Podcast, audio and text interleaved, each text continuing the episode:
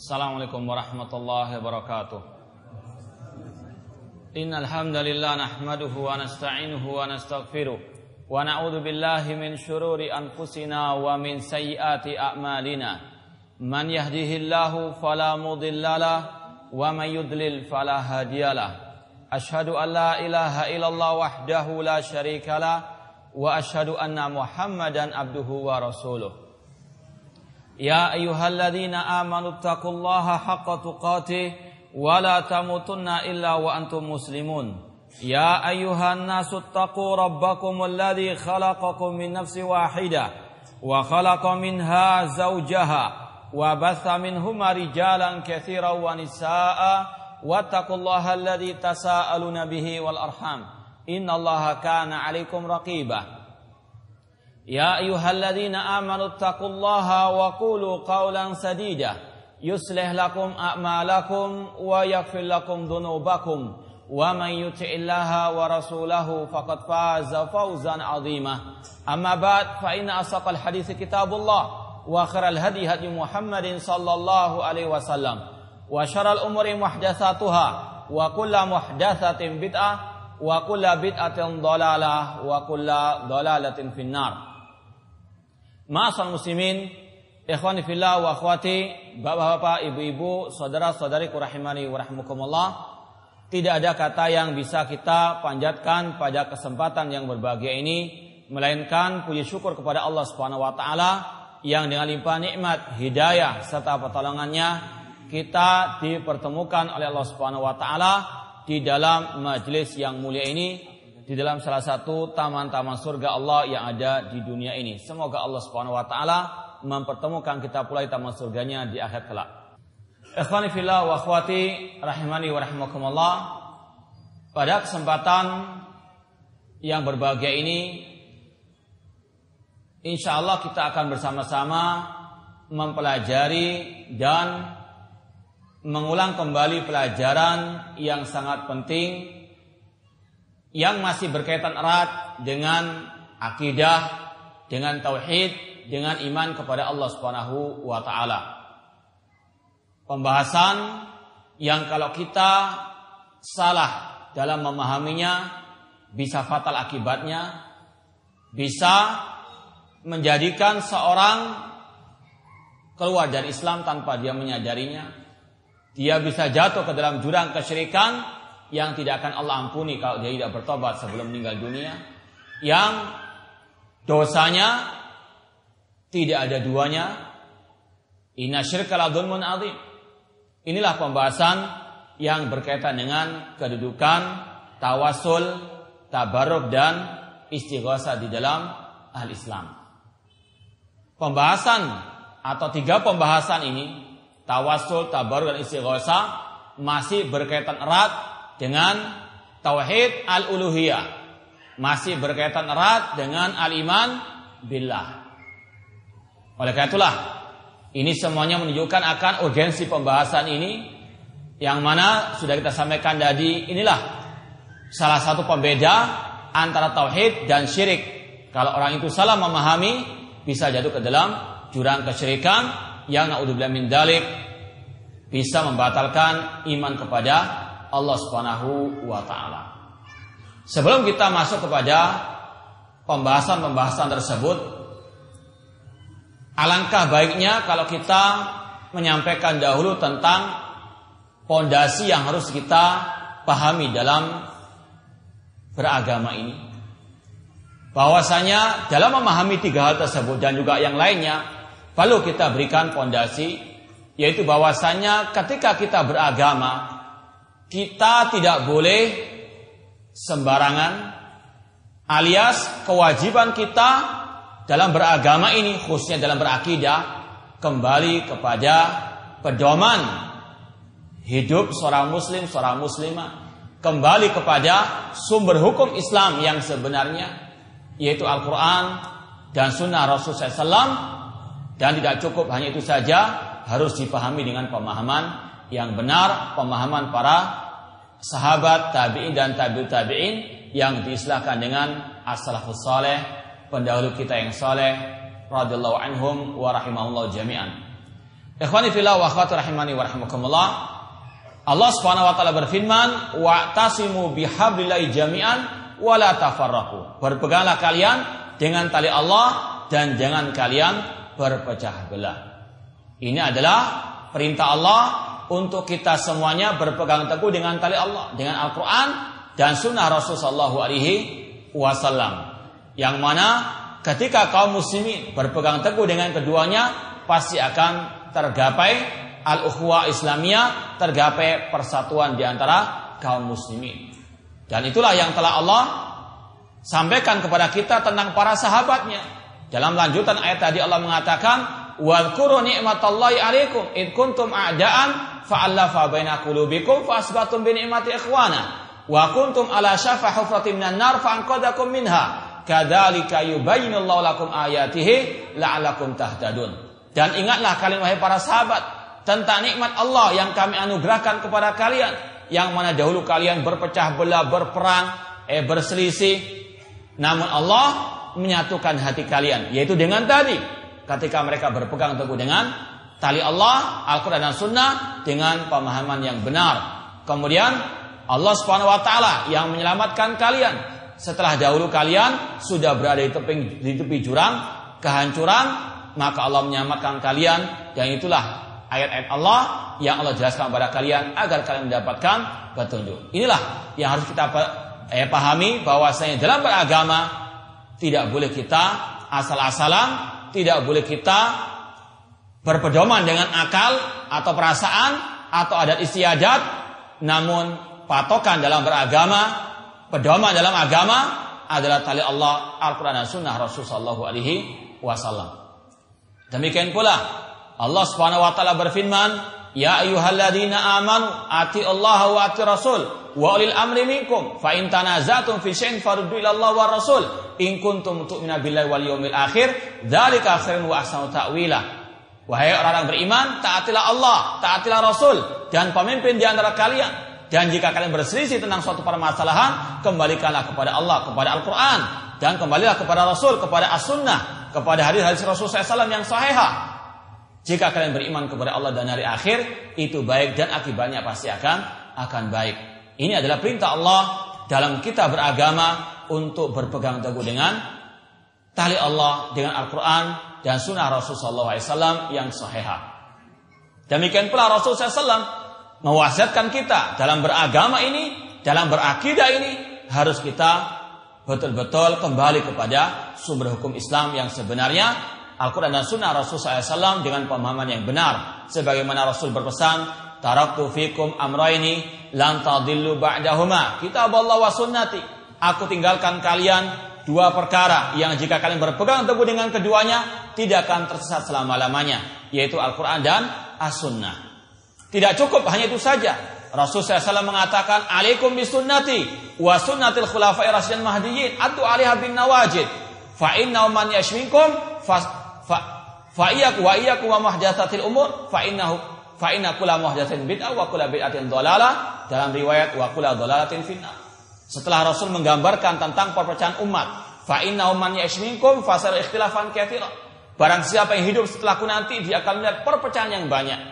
Rasul memberikan solusi yang terbaik bagi kita semuanya. Kalau kita beragama dan mau selamat dari perpecahan, selamat dari kebinasaan, selamat dari kesesatan, kata Rasul, dua kuncinya, alaikum bisunnati wa sunnatil khulafai rasyidin. Pegang erat sunnahku, pegang erat haris-harisku, tuntunanku dan juga tuntunannya para khulafa ar-rasyidin Abu Bakar, Umar, Utsman dan Ali bin Abi Thalib radhiyallahu anhum jami'an. Dan yang kedua solusinya kalau kita mau selamat, jauhkanlah diri kita dari hal-hal yang baru dalam urusan agama ini, baik berkaitan dengan akidah, ibadah, dan lain sebagainya.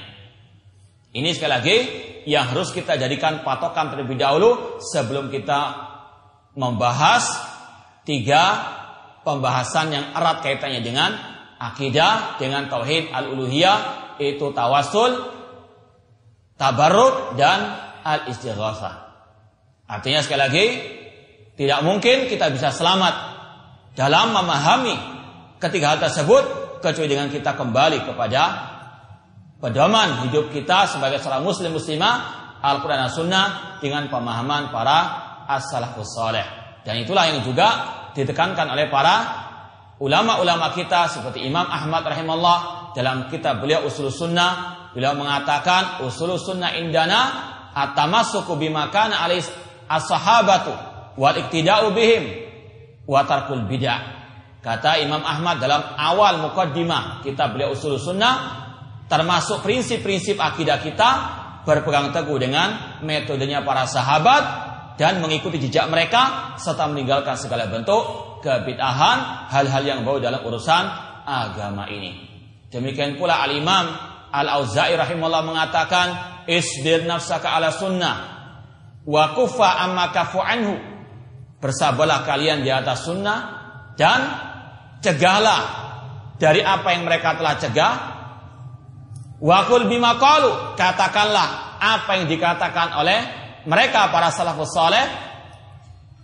Kemudian kata beliau fa innahu wasi'ahum fa fa innahu wasi'ahum ma. Apa yang mencukupi mereka itu pasti akan mencukupi kalian. Itulah yang wajib untuk kita pahami bahwasanya dalam beragama kita harus kembali kepada ajaran Al-Quran, As-Sunnah, dan pemahaman para asal saleh khususnya para sahabat tabi'in maupun tabi'u at-tabi'in.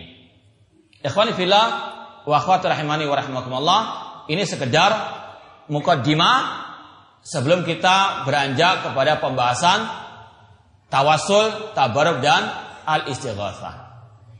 Sekarang kita memasuki poin yang pertama tentang atawasul. Apa itu atawasul dan apa bentuk-bentuk tawasul yang disyariatkan dan yang terlarang dan juga apa syubhat-syubhat yang ada di tengah-tengah kaum muslimin sehingga mereka salah dalam bertawasul kepada Allah Subhanahu wa taala. Di sini kita akan bawakan sebagian referensi tentang masalah ini di antaranya masalah tawasul kita ambilkan dari kitab At-Tawasul Anwa'uhu wa Ahkamuhu yang dikarang oleh Syekh Muhammad Nasruddin Al-Albani rahimallahu taala. Yang insya Allah saya rasa sudah mencukupi apa yang ditulis oleh para ulama-ulama yang lainnya. Eh meskipun di sana ada misalnya kitab Qaidah fit Tawassul wal Wasilah karangan Syekhul Islam Ibn Taimiyah rahimahullah. Namun insya Allah apa yang disampaikan oleh Syekh Albani di sini itu sudah mencukupi. Ikhwani fillah rahimani wa rahimakumullah. Tawasul itu kalau kita terjemahkan artinya perantara. Ya. Atawasul artinya perantara. Maksudnya kalau dalam segi istilah atawasul artinya kita mencari perantara untuk mendekatkan diri kepada Allah Subhanahu wa taala. Itu arti at-tawassul secara gamblang bahwasanya tawasul adalah sesuatu perantara yang bisa mendekatkan diri kita kepada Allah Subhanahu wa taala. Kalau kita mau bacakan sebagian ucapan Pak ulama disebutkan di sini dalam kitab Al-Mufradat karangan Ar-Raghib Al-Asfahani Al-Wasilah at-tawassul ila syai' bi Ya, sesuatu yang bisa mengantarkan kita kepada hal-hal yang kita inginkan. Kemudian disebutkan oleh para ulama kata-kata tawassul atau al-wasilah itu disebutkan di dalam Al-Qur'an ada pada dua ayat. Istilah al-wasilah atau tawasul di dalam Al-Qur'an itu ada dua ayat. Yang pertama di dalam surat Al-Maidah Allah berfirman, "Ya ayyuhalladzina amanu taqullaha wabtaghu ilaihi alwasilata." Wahai orang-orang beriman, bertakwalah kepada Allah dan carilah alwasilah kepada Allah Subhanahu wa taala. Di sini ikhwani fillah wa akhwati rahimani wa Disebutkan oleh para ulama, ya banyak orang yang salah memahami ayat tersebut. Ya, mereka ketika membaca ayat ini, yaitu khususnya pada ayat yang berbunyi wabtahu ilaihil wasilah, Wahai orang-orang beriman, bertakwalah kepada Allah dan carilah perantara. Ya. Sebagian orang mengatakan asal perantara apa pun yang mereka inginkan itu disebut sebagai perantara yang dimasukkan di dalam ayat Al-Quran. Ini sekali lagi dalam surat Al-Ma'idah ayat ke-35. Ya ayuhalladzina amanu wabtahu ilail wasilah. Ini adalah salah satu ayat yang menyebutkan kata-kata al-wasilah. Oleh karena itulah ingin di sini kita akan membacakan sebagian ucapan ulama tafsir tentang apa arti wabtahu ilaihi al-wasilah. Karena sebagian orang tadi ya ketika dia misalnya tawasul kepada orang yang telah meninggal dunia. Dia mengatakan kita tawasul ini ada dalilnya dari Al-Qur'an. Apa itu? Ayat ini surat Al-Maidah 35 wabtahu ilaihil wasilah. Carilah perantara kepada Allah Subhanahu wa taala. Nah, ini adalah apa? Bentuk wasilah kepada Allah, yaitu apa? Minta-minta kepada wali yang telah mati atau ngalap berkah di kuburan. Mereka mengatakan ini adalah wasilah yang akan mendekatkan diri mereka kepada Allah sesuai dengan akal pemikiran dan pendapat mereka. Makanya sudah kita sampaikan tadi dalam memahami agama Al-Quran dan Sunnah dengan pemahaman siapa? As-salafus tidak sembarangan. Demikian pula dalam mentafsirkan ayat tidak boleh sembarangan, harus kembali kepada penafsiran para salafus soleh, para sahabat tabi dan para ulama-ulama ahli tafsir. Oleh karena itulah Al-Imam Ibnu Abil Is Al-Hanafi rahimahullah dalam syarah akidah Tahawiyah beliau mengatakan wahal kharijatil khawarij wa tazatil mu'tazilah wa rafatil rawafid wa tazatil ummah atau wa farakatil ummah ala sintaini wa sabina firqah illa bi ta'wilil fasid. Tidaklah kelompok khawarij itu memberontak, tidaklah kelompok mu'tazilah itu mereka mengucilkan diri, tidaklah kelompok rafidah menolak kekhalifahan Abu Bakar Siddiq dan tidaklah umat terpecah menjadi 72 golongan kecuali sebab utamanya at-ta'wilul fasid yaitu penakwilan penafsiran yang yang salah. Ya antaranya di sini sebagian orang ketika dia tadi tawasul dengan wali yang telah mati, dengan kuburan keramat atau yang lainnya, mereka berdalil dengan ayat Al-Qur'an. Bukan ayat yang salah, namun pemahaman mereka yang yang sesat, pemahaman mereka yang yang keliru. Makanya harus kita kembalikan kepada penafsiran Ahlussunnah wal Jamaah penafsiran para salafus saleh atau para ulama-ulama ahli tafsir. Di antaranya di sini kita akan bawakan ucapan seorang ahli tafsir bahkan di, dikatakan sebagai bapaknya ahli tafsir yaitu Al-Imam Al-Hafidh Ibnu Jarir At-Tabari dalam tafsirnya. Beliau mengatakan, "Ya ayyuhalladzina amanu saddiqullaha wa rasulahu fima akhbarahum." wa wa'ada minal thawab wa au'ada minal iqab. Ya ayyuhalladzina amanu taqullah. Ya ayyuhalladzina amanu. Siapa orang beriman itu? Yaitu saddaqullah wa rasulah. Yaitu orang-orang yang membenarkan Allah dan Rasulnya di dalam kabar yang Allah berikan kepada mereka eh dan janji yang Allah berikan kepada mereka dan ancaman yang Allah kabarkan kepada mereka. Ittaqullah artinya ajibullah fi ma'arama amarakum. Penuhilah panggilan Allah atas perintah kalian atau atas perintah Allah kepada kalian wa nahakum lahu dan larangan Allah atas kalian. Artinya takwa melaksanakan ketaatan meninggalkan larangan Allah Subhanahu wa taala. Kemudian kata beliau, apa arti wabtahu ilail wasilah? Carilah perantara kepada Allah, yaitu utlubul qurba ilaihi bil amal bima yurdi.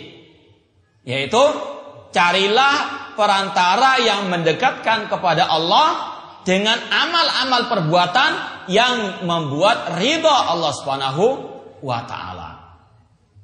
Sekarang tahu enggak hal ini diridhoi oleh Allah atau tidak tanpa Al-Qur'an dan Sunnah? Tidak akan mungkin kita bisa apa? mengetahui ini yang diridhoi dan dicintai Allah taala kecuali dengan apa? wahyu Allah Subhanahu wa taala.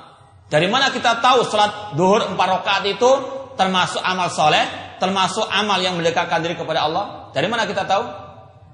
Hah? Kenapa nggak lima rakaat? Hah? Karena apa? Allah dan Rasulnya telah menetapkan sholat duhur empat rakaat dan itu kita ketahui dari mana? Al-Quran dan Sunnah Rasulullah Shallallahu Alaihi Wasallam. Kita tahu misalnya puasa Ramadan misalnya mendekatkan diri kepada Allah. Kita tahu karena apa? Ada dalilnya. Maka demikianlah sekali lagi semua hal-hal yang tidak mungkin kita bisa ketahui dengan akal kita ayat tentang masalah-masalah hal gaib ini karena berkaitan dengan Allah Subhanahu wa taala maka tidak mungkin kecuali dengan Al-Qur'an dan As-Sunnah. Maka kita sekali lagi mengatakan tidak boleh kita beragama kecuali dengan mengikuti tuntunan Al-Qur'an dan Sunnah Rasulullah alaihi wasallam. Ini yang diucapkan oleh Imam Ibnu Jarir rahimahullah taala ini sebagaimana definisi ibadah yang disampaikan oleh Syekhul Islam Ibnu Taimiyah rahimahullah. Beliau mengatakan Ismun jami'un likulli ma yuhibbullah wa yarda minal aqwali wal a'mal ad-dhahirati wal batina. Ibadah adalah sebuah nama yang mencakup apa-apa yang Allah cintai dan Allah ridhai dari ucapan dan perbuatan yang dohir maupun yang yang batin. Tidak mungkin kita bisa mengetahui apa yang Allah cintai, apa yang Allah ridhai kecuali dengan apa? Ad-dalil. Seperti kita katakan tadi, dari mana tahu kalau haji itu bisa mendekatkan diri kepada Allah? Haji itu bisa menjadikan orang masuk ke dalam surga Allah Subhanahu wa taala. Tahu dari mana kita? Hah? Ad-dalil. Walillahi ala nasi hijjul baiti man istata ilaihi sabila wa atimul hajj wal umrata lillah. Itu termasuk rukun Islam karena Rasul mengatakan wal hajju sabila. Ya. Ini semuanya sekali lagi tidak mungkin kita bisa tahu ini adalah perbuatan atau ucapan yang bisa mendekatkan diri kepada Allah kecuali dengan ad-dalil. Itu ucapan Imam Ibnu Jarir At-Tabari rahimallahu taala. Sekarang kita bawakan ucapan Al-Hafidh Ibnu Katsir rahimahullah taala dalam tafsirnya tentang ayat tadi surat Al-Maidah ayat 35. Annal annal wasilah fiha al-qurba. Makna wasilah itu adalah yang mendekatkan diri kepada Allah Subhanahu wa taala. Wa nukila mislu dalik an Mujahid, Abu Wa'il, wal Hasan, wa Abdullah bin Katsir, wa Sudi, wa Ibnu Zaid, wa ghair wahidin. Bahwasanya inilah penafsiran para ulama-ulama salaf seperti tadi Mujahid dan lain yang lainnya. Kemudian kata kota ada bin Diam As-Sadusi seorang ulama ayat tabi'in beliau mentafsirkan ayat tadi dengan mengatakan ay taqarrabu ilaihi bi wal amal bima yurdi. Carilah perantara kepada Allah artinya dekatkanlah diri kalian kepada Allah dengan mentaatinya. Bagaimana taat kepada Allah? Ya kembali lagi kepada Al-Quran dan Sunnah Rasulullah SAW. Dan kita ingat hadis yang dikenal dengan istilah hadisul wali.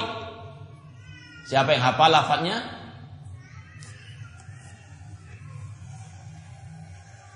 Ada yang hafal hadis yang dikenal dengan hadisul wali. Hah? Siapa yang merasa wali Allah?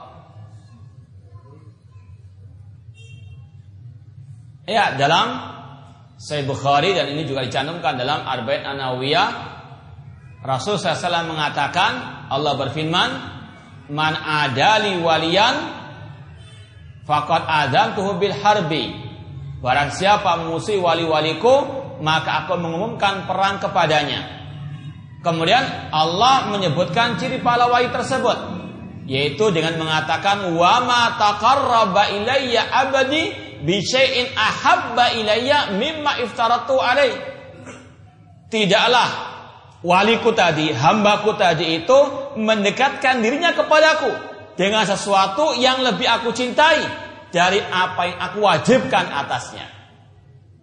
Di sini sudah ketahuan bahwasanya kalau kita mau mendekatkan diri kepada Allah yang pertama harus dengan perbuatan yang apa? Diwajibkan oleh Allah Subhanahu wa taala. Bukan yang diwajibkan oleh ya diri kita atau oleh tokoh masyarakat kita atau oleh ormas dan lain sebagainya. Wali Allah itu melaksanakan perintah Allah yang Allah wajibkan kepadanya.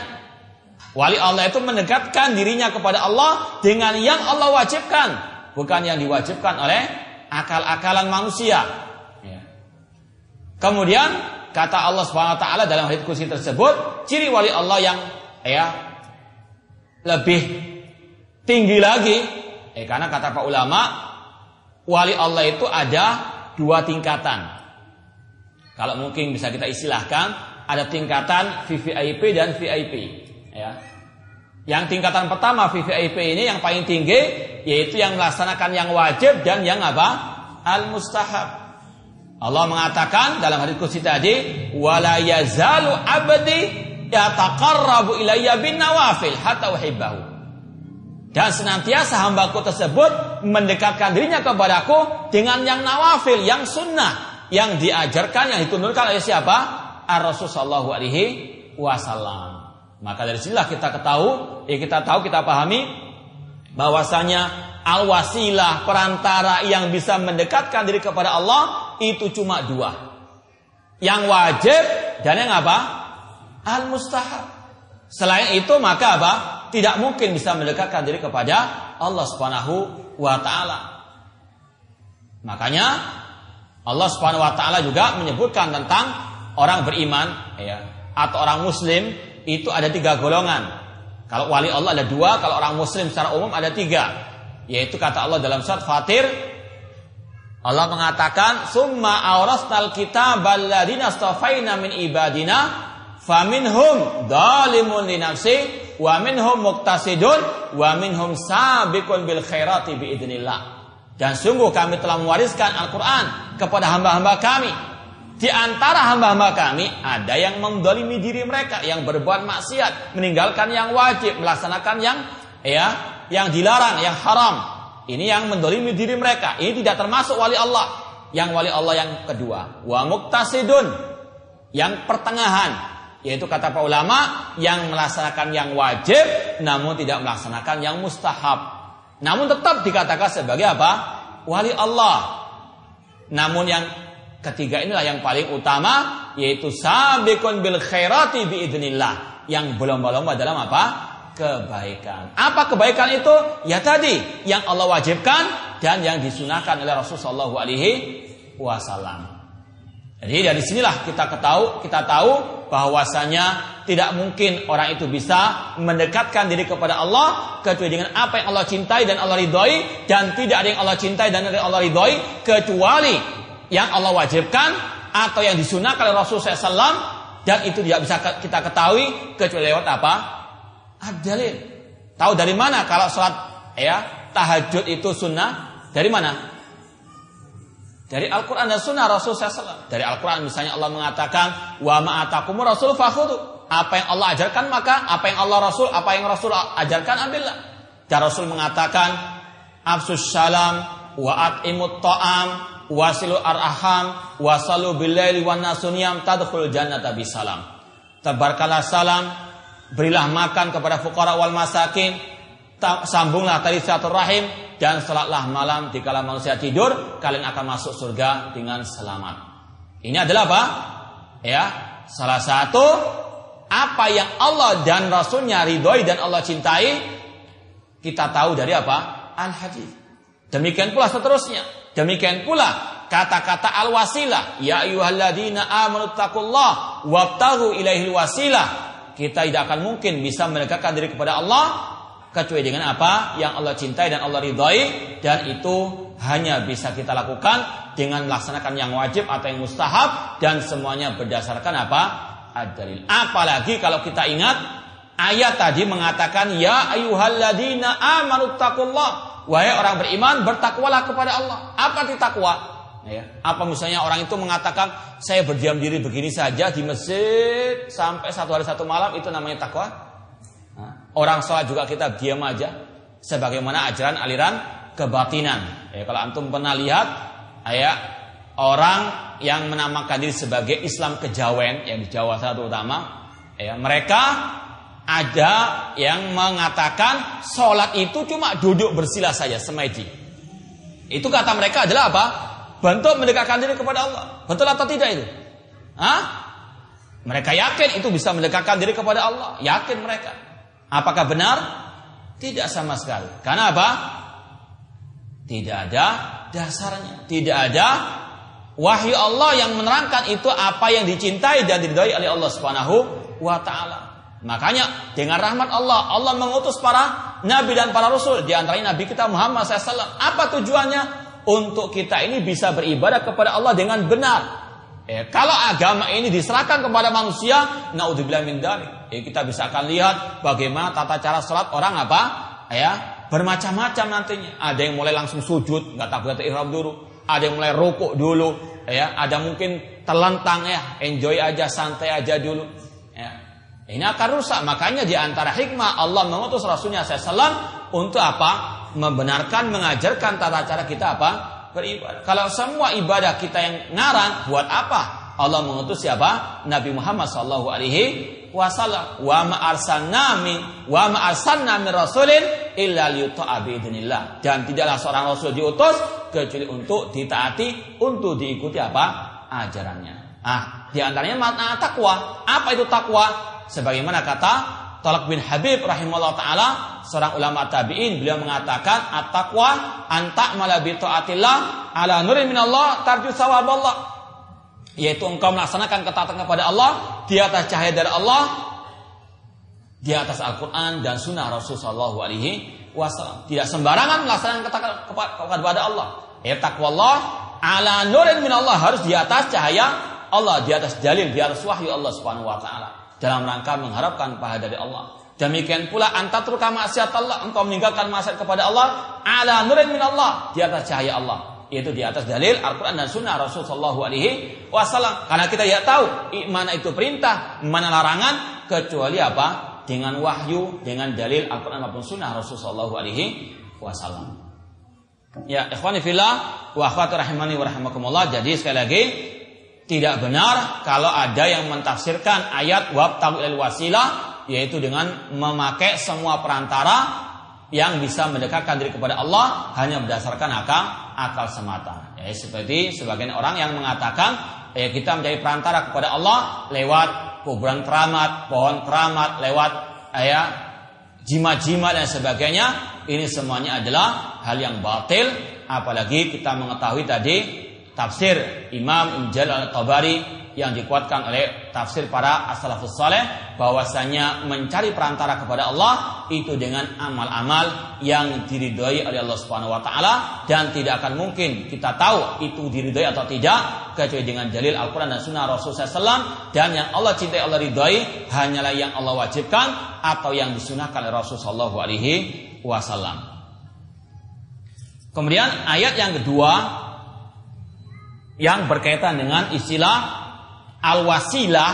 Ya, dalam surat Al-Isra ayat 57 Surat Al-Isra ayat 57 Allah berfirman Ulaikal ladina yad'una yabtaghuna ila rabbihimul wasilata ayyuhum aqrab wa yarjuna rahmata wa yakhafuna adzaba in adzab rabbika kana mahdura mereka lah orang-orang yang menyeru kepada selain Allah Sedangkan yang mereka sembah itu mencari perantara kepada Rob mereka.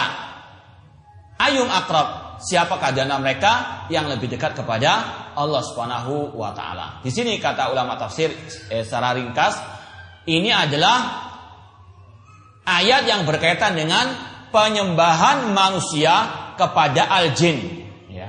Ada manusia-manusia kaum musyrikin yang menyembah jin. Ini seperti para dukun-dukun. Ya, dukun-dukun itu atau tukang-tukang sihir tidak mereka tidak mungkin mereka menjadi dukun atau tukang sihir kecuali mereka harus apa? menyembah al-jin. Ya. Ini adalah apa? Rahasia umum sudah. Mereka tidak akan mungkin menjadi dukun yang sebenarnya, tukang sihir yang sebenarnya kecuali mereka apa?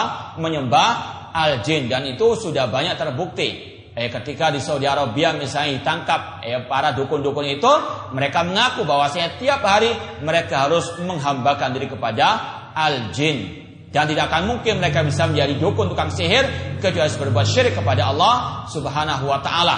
Entah dengan mereka menyembah kuburan entah dengan mereka menulis mushaf dengan darah haid atau ayat Al-Qur'an dengan darah haid atau menghinakan Al-Qur'an di toilet-toilet dan sebagainya Ini adalah apa? Syarat dari jin untuk mereka bisa menjadi dukun. Eh di antaranya yang pernah terjadi di kaum di kalangan kaum musyrikin jahiliyah. Ada di antara manusia-manusia yang mereka menyembah al-jin. Namun sang jin tersebut telah tobat masuk ke dalam apa? Atau head paham tentang apa? dakwah yang hak. Ya apalagi kita ketahui jin itu sebagaimana manusia. Ada yang soleh, ada yang toleh, ada yang bertauhid, ada yang berbuat syirik, ada yang alus sunnah, ada yang alil alil bid'ah. Mana dalilnya? Surat Al-Jin. Allah mengatakan, "Minna salihuna wa minna duna dalik kunna tara'iqa kidada." Di antara kami kata jin, ada yang saleh, ada yang toleh. Minna salihuna wa minna duna dalik kunna tara'iqa. Kami ini para jin ya bermacam-macam madhab kami. Ada yang al sunnah, ada yang apa? Alil bid'ah. Nah, dulu ada kisah ya jin-jin tersebut masih musyrikin. Kemudian disembah oleh manusia pada zaman jahiliyah. Kemudian jin-jin tersebut bertobat. Nah, kata mereka, ya, ulaika alladziina yad'un yabtahuna ila rabbin wasilah. Jin-jin yang disembah oleh manusia itu mereka bertobat dan mereka pun mencari perantara untuk mendekatkan diri kepada Allah Subhanahu wa taala. Ini ada kata-kata apa? Al-wasila yabtahuna ila rabbihimul al-wasila. Kita akan baca tafsir dari para salafus saleh tentang ayat tadi. Di antaranya ucapan seorang sahabat yang bernama Abdullah bin Mas'ud radhiyallahu anhu Beliau mengatakan nazalat fi nafrin minal Arab kanu ya'buduna nafra minal jin fa aslamal jinniyun wal ins alladina kanu ya'budunahum la yash'urun. Ayat ini turun tentang sekelompok orang Arab jahiliyah yang mereka menyembah sekelompok jin. Lalu jin-jin tersebut masuk Islam. Ya, kembali kepada tauhid sedangkan manusia yang menyembah mereka itu tidak menyadarinya. Ini sekali lagi sampai detik ini pula manusia banyak yang menyembah apa? jin-jin tersebut. Eh di antaranya dukun-dukun paranormal. Ini adalah apa? Para penyembah-penyembah al-jin. Naudzubillah min dalik. Maka jangan pernah kita mempercayai mereka karena jin yang merupakan tuannya mereka, Tuhannya mereka, kata Rasul, ya aslinya jin itu adalah apa? Kiadub pendusta. Maka demikian pula dengan paranormal, orang dikatakan pintar dan sebagainya, mereka adalah kaum yang menyembah jin-jin tersebut. Kalau Al-Hafidh Ibn Hajar Asqalani rahimahullah, Imam Al-Hafidh Ibn Hajar Asqalani rahimahullah mengatakan, Istamar al-insul ladina kanu ya'buduna jin ala ibadatil jin wal jin la yardawna bidzalik likaunihim aslamu. Manusia-manusia yang menyembah jin mereka tetap menyembah jin-jin tersebut. Sedangkan jin tidak riba kalau mereka apa? Disembah. Likaunim aslamu karena mereka telah masuk Islam. Wahumul ladina saru yabtaghuna ila rabbimul wasilah. Dan jin-jin itu kembali kepada Allah mencari perantara kepada Allah Subhanahu wa taala. Ini ikhwani fillah wa akhwati rahimani wa rahmakumullah. Kata-kata tadi yabtaghuna ilaihim wasilah kata eh, Syekh Al-Bani di sini yatlubuna ma yataqarrabuna ilallah bilal a'mali salihah. Bahwasanya jin-jin tersebut mencari perantara kepada Allah dengan berbuat amal as-saleh. Dan kita tahu apa itu amal saleh? Amal yang ikhlas dan sesuai dengan tuntunan siapa? Ar-Rasul. Seperti kata Al-Imam Ibnu Katsir dalam akhir atau tafsir beliau terhadap akhir ayat surat Al-Kahfi. Ayat terakhir dari surat Al-Kahfi yang kita disunahkan untuk membacanya setiap hari apa? Bukan surat Yasin ya? Hah? Nah, surat Al-Kahfi diwajib disunahkan untuk kita baca pada hari Jumat di antara ayat ya surat Al-Kahfi. Ada yang terakhir dari ayat Kahfi, surat Al-Kahfi yaitu firman Allah Faman kana yarju liqa'a rabbih falyamal amalan salihah wala yusyrik bi ibadati rabbi ahada. Barang siapa yang mengharapkan perjumpaan dengan Allah, maka adalah dia beramal saleh dan tidak menyekutukan Allah dengan sesuatu apa pun. Coba nanti dilihat dalam tafsir surat Al-Kahfi ini karangan Imam Ibnu Katsir beliau mengatakan arti amal soleh yaitu an yakuna ya sawaban ala syariati Muhammad sallallahu alaihi wasallam. Eh, kata Imam Katsir rahimahullah, hadzani ruknal amal mutaqabbal. Inilah dua rukun amal yang diterima oleh Allah Subhanahu wa taala atau mungkin bisa dikatakan inilah dua syarat diterimanya amal ibadah, amal soleh. Kata beliau an yakuna khalisalillah harus ikhlas karena Allah sawaban ala syariati Muhammad sallallahu alaihi wasallam. Dan itu dikatakan amal soleh kalau amal tersebut mencocoki sesuai dengan syariat tuntunan ajaran Nabi Muhammad sallallahu alaihi wasallam. Jadi inilah yang disebut dengan al-wasilah perantara yang bisa mendekatkan diri kepada Allah yaitu dengan apa? Amal soleh, amal yang ikhlas dan sesuai dengan bimbingan tuntunan ajaran Ar-Rasul Sallallahu Alaihi Wasallam. Tidak dengan mengarang-arang ibadah yang baru. Ini sekali lagi berkaitan dengan ayat yang ada kata-kata al-wasilah yang disalahpahami oleh sebagian orang ketika mereka bertawasul dengan ya mayit atau dengan yang telah meninggal dunia kemudian mereka berdalil dengan ayat tersebut ini adalah penafsiran yang batil sedangkan para ulama ulama al-sunnah eh, mereka mentafsirkan ayat tersebut dengan mengatakan mencari perantara kepada Allah harus dengan yang dicintai dan diridhoi Allah Taala dari amal soleh, amal yang diwajibkan atau yang disunahkan, yang itu semuanya harus sesuai dengan dalil Al-Quran maupun Sunnah Rasulullah Alaihi Wasallam. Ya, kemudian yang berikutnya, para ulama Ahlussunnah wal Jamaah menyebutkan tawasul itu ada tiga bentuknya. Yang pertama at-tawasul al-masyru' tawasul yang disyariatkan. Kemudian yang kedua, tawasul yang al-bid'i, tawasul yang bid'ah. Dan yang ketiga, tawasul yang syirik. Adapun tawasul yang pertama, tawasul yang syar'i, ini juga disebutkan oleh Syekh Al-Bani rahimahullah dalam kitab ini, namun kita ringkas saja. Yang pertama tadi, tawasul yang masyru' ini dibagi lagi ada ada tiga. Ada tiga bentuknya. Ada tiga contohnya. Yang pertama at-tawasul bi asma'illah wa sifatihi. Tawasul dengan nama-nama Allah dan sifat-sifat Allah Subhanahu wa taala. Apa dalilnya? Allah Subhanahu wa taala berfirman dalam surat Al-A'raf ayat 180 Allah mengatakan walillahil asmaul husna fad'uhu biha. Allah memiliki nama-nama yang baik, maka berdoalah dengan menyebut nama-nama Allah tersebut. Eh, sekali lagi surat Al-A'raf ayat 180 Allah mengatakan walillahil asmaul husna fad'uhu biha. Allah memiliki nama-nama yang baik, maka berdoalah dengan menyebut nama-nama Allah tersebut. Di antaranya nama Al-Hayyu Al-Qayyum yang mana kata Rasulullah eh, apabila seorang hamba meminta kepada Allah dengan dua nama tersebut akan dikabulkan permintaannya oleh Allah Subhanahu wa taala. Eh, makanya dalam sebagian dikir-dikir atau doa Rasulullah SAW disebutkan dua nama tersebut yaitu apa? Ya Hayyu Ya Qayyum birahmatika astaghitsu aslih li sya'ni kullahu wa la takilna nafsi tarfata ain. Ini salah satu contoh Rasul tawasul dengan apa?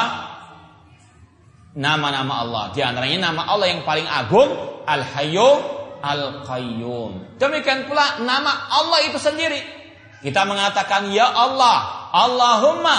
Ini namanya apa? Tawasul dengan nama Allah. Apalagi nama Allah juga termasuk dalam rentetan A'damu asma'illah. Induk daripada al asmau al husna dan banyak lagi contoh-contoh apa ya kita tawasul dengan nama Allah itu sendiri contohnya apa tawasul atau dikir doa yang diajarkan Rasul yang ada kata-kata Allahumma Hah? Pauannya kalau kita mau sebutkan bisa mungkin puluhan atau ratusan mungkin. Apa contohnya? Sepuluh saja. Hah? Ah, nggak pernah doa. Hah? Allahumma antas salam. Ya. Baru satu. Allahumma aftah li ababa rahmatika. Ah, apa lagi? Allahumma barik fima razaqtana. Ah, apa lagi? Ah, iya sudah lima. Eh, tambah lagi. Allahumma hasimin sabayasir apa lagi? Allahumma bil khaba'is. Ya apa lagi? Allahumma saya nafi apa lagi? Ah, kurang dua. Allah misal kau Pak? Jangan ngarang loh Pak ya. ah? Allahumma afain afini fiman afait. Iya, apa lagi? Kurang kurang berapa ini? Kurang satu. Ah. Sebenarnya setiap orang satu-satu bisa Masya Allah ini. Ya. Cuma cukup sudah sepuluh. Ya ini adalah salah satu bentuk yang dicontohkan oleh Salam tawasul dengan apa? Nama Allah. Yaitu nama Allah itu sendiri. Demikian pula dibolehkan dengan tawasul memakai nama-nama Allah yang lain. Ya Rahman, Ya Rahim, Irhamni. Dan kata para ulama, selayaknya, ya, sebaiknya yang lebih afdal kita mencocokkan antara permintaan kita dengan apa? Nama Allah Subhanahu wa taala. Kalau kita minta rahmat Allah, maka kita pakai nama Allah apa? Ar-Rahman Rahim. Dan inilah salah satu bentuk ya pengamalan asma Allah taala al-husna. Rasul mengatakan Inna lillahi tis'atan wa tis'ina isman man asahada khalal jannah. Sesungguhnya Allah memiliki 99 nama barang siapa yang ahsaha. Kata ulama ahsaha artinya yang ya melafatkannya, memahami maknanya dan mengamalkan konsekuensinya. Di antaranya apa? Dengan kita tawasul dengan nama-nama Allah tersebut, dengan mencocokkan apa? Nama-nama Allah tersebut. Kita minta rahmat Allah, maka ya rahmat irhamni. Kita minta ilmu memakai nama Allah apa? Hah? Ya alalim, alimni. Ya razak, urzuqni. Ya. Makanya para ulama ketika kalau kita bahas tauhid asma wa sifat ini agak panjang sesuai dengan apa yang apa kandungan daripada kata-kata doa kita atau yang lainnya. Contoh, ini bukan doa namun dalam ayat. Suatu saat ada seorang yang lagi hafalan ini zaman salah dahulu ada seorang yang lagi murajah hafalan. Ya, kemudian ada yang mendengar hafalan tersebut dari orang Arab Badui yang dia faham, ya, seluk beluk Al-Quran, seluk beluk bahasa Arab. Yang setoran hafalan itu atau yang lagi murajah hafalan Al-Quran membaca surat Al-Maidah wasariqatu wasariqatu faqta'u aydiyahuma jazaan bima kasabana kalaminallah wallahu ghafurur rahim yang hafal ayat ini. Betul nggak ayat tersebut? Nggak ada yang hafal. Ada yang hafal nggak? Hah? Iya. Ayatnya itu betul nggak? Hah? Nggak pernah lewat ayat ini. Kalau orang Arab Badui bisa mengetahui salah atau benar ayat ini. Berarti antum bukan Arab Ya, sekali lagi ada seorang yang lagi setoran hafalan Al-Quran, kemudian dia membaca ayat tadi sampai kepada ayat tadi. Wasariku wasariqatu faqta'u aydiyahuma jazaan uh, jazaan bima kasabana Allah wallahu ghafur rahim. Yang kalau kita artikan ya, pencuri laki dan perempuan, potonglah kedua tangannya sebagai balasan atas apa yang mereka perbuat dari Allah Subhanahu wa taala dan Allah Maha Pengampun lagi Maha Penyayang. Kalau secara redaksinya, terjemahannya ini bagaimana menurut antum? Betul atau enggak? Hah? Antara betul dan enggak Ustaz.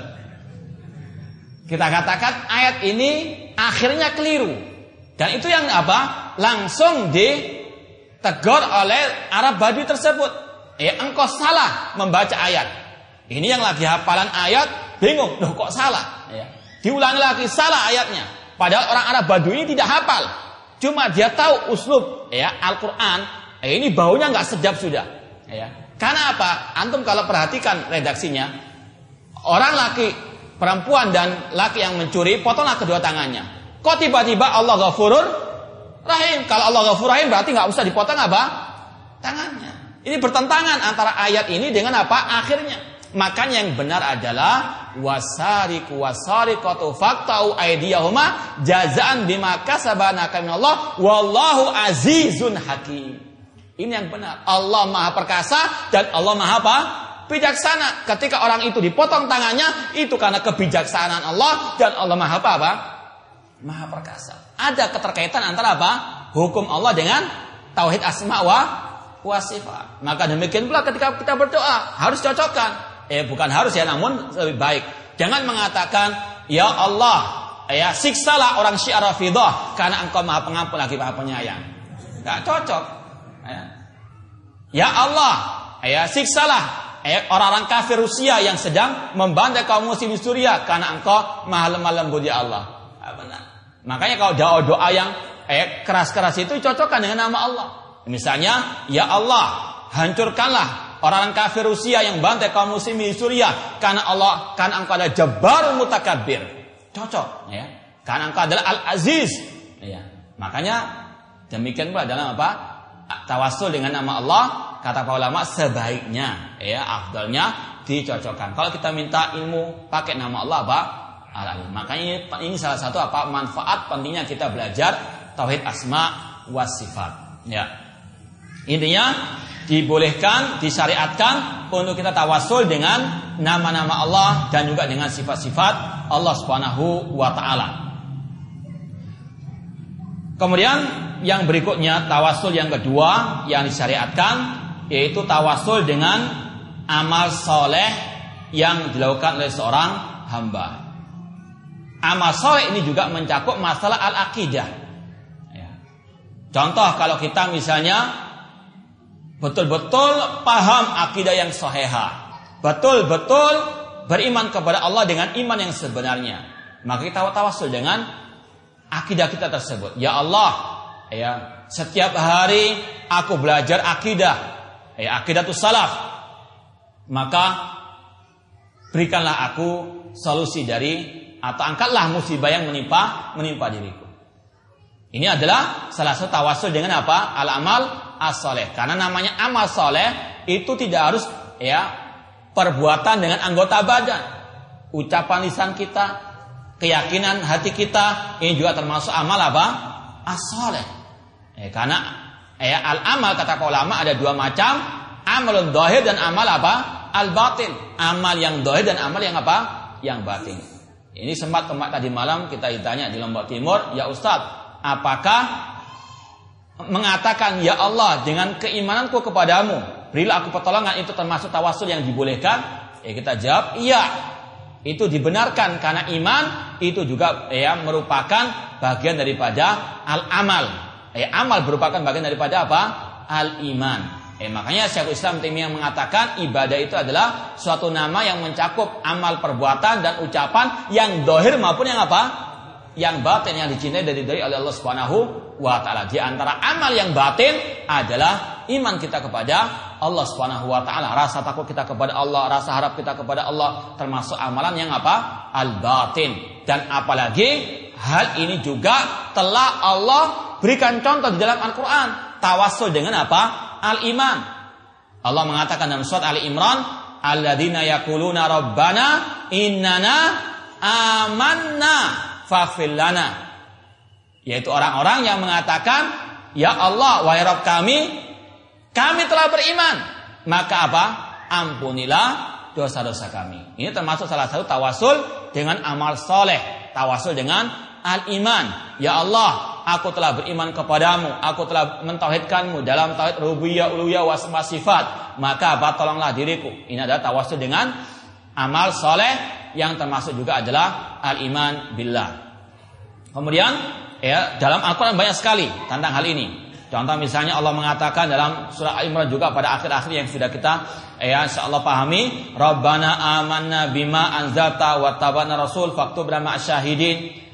Inna sami'na munadiyan yunadi lil iman an aminu bi rabbikum fa amanna rabbana faghfir lana dzunubana wa kafir anna sayyatina wa tafana mal abrar. Ini sebagai Contoh bolehnya tawasul dengan al-iman karena itu termasuk al-amal as-soleh juga.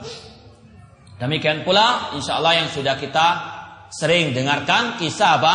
Tiga orang yang masuk ke dalam gua, kemudian gua tersebut tertutup batu, kemudian tiga orang tersebut tawasul dengan amal-amal soleh mereka. Ini kalau kita baca panjang, intinya yang yang pertama tawasul dengan apa? Berbaktinya dia kepada orang tuanya. Yang kedua tawasulnya dia dengan apa? eh, amal solehnya berupa dia meninggalkan perzinahan padahal dia apa sanggup untuk berzina pada waktu itu yang ketiga tawasul dengan amanahnya dia dalam me, ya, megang hasil ataupun gaji daripada pegawainya yang ditinggalkan pergi ya ketika mereka bertawasul dengan amal-amal saya tersebut berbakti kepada orang tua termasuk amal soleh amanahnya dia memegang harta pegawainya itu adalah ibadah Demikian pula apa? Meninggalkan eh, perzinahan. Padahal dia sanggup untuk berbuat perzinahan tersebut. Maka ketika orang-orang tersebut bertawasul kepada Allah dengan amal-amal soleh. Maka Allah bukakan apa? Eh, pintu gua tersebut. Ini dalilnya eh, dalam Sahih Al-Bukhari. Maka salah satu tawasul yang masyru' adalah tawasul dengan amal soleh kita. Antum bisa, ya. Makanya kata para ulama, makanya rugi kalau orang itu nggak punya amal apa? soleh. Mau tawasul bingung. Apa ya amal saya? Saya nggak punya amal apa-apa. Bingung. Eh makanya di antara manfaat kita beramal soleh untuk kita jadikan apa? Tawasul. Ya Allah. Eh misalnya setiap hari saya belajar ilmu agama, saya datang ke majelis ilmu, eh ya saya membaca kitab-kitab para ulama al wal jamaah misalnya, maka tolonglah saya, berilah rezeki kepada saya, sembuhkanlah penyakit saya. Tawasul dengan apa? Telah berilmi karena telah berilmi termasuk alamal as-saleh.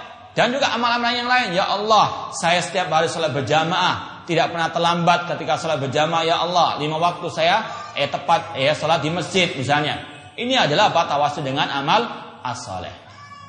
Kemudian yang ketiga, at-tawasul ilallah bidu'ai rajuli saleh. Tawasul kepada Allah dengan doa orang yang saleh yang masih hidup dan ada di hadapan kita. Maksud di hadapan kita ini bukan harus di depan kita, namun yang penting kita bisa apa? Komunikasi. Ya, karena mungkin jangan salah paham, harus di hadapan kita. Kalau berarti nggak di hadapan kita, ya syirik Ustaz. Kalau gimana kalau kita telepon Ustaz? Ya, Ustaz tolong doakan saya. Apa itu syirik? Karena Ustaz nggak di hadapan kita. Ini tidak benar ya. Tetap ya selama kita masih bisa kontak, ini namanya apa di hadapan kita. Ya, karena memang ada orang yang tawasul ya, dengan orang soleh. Kata mereka orang soleh dengan wali yang masih hidup betul. Namun walinya apa? Di luar sana. Ya, tidak bisa dia kontak.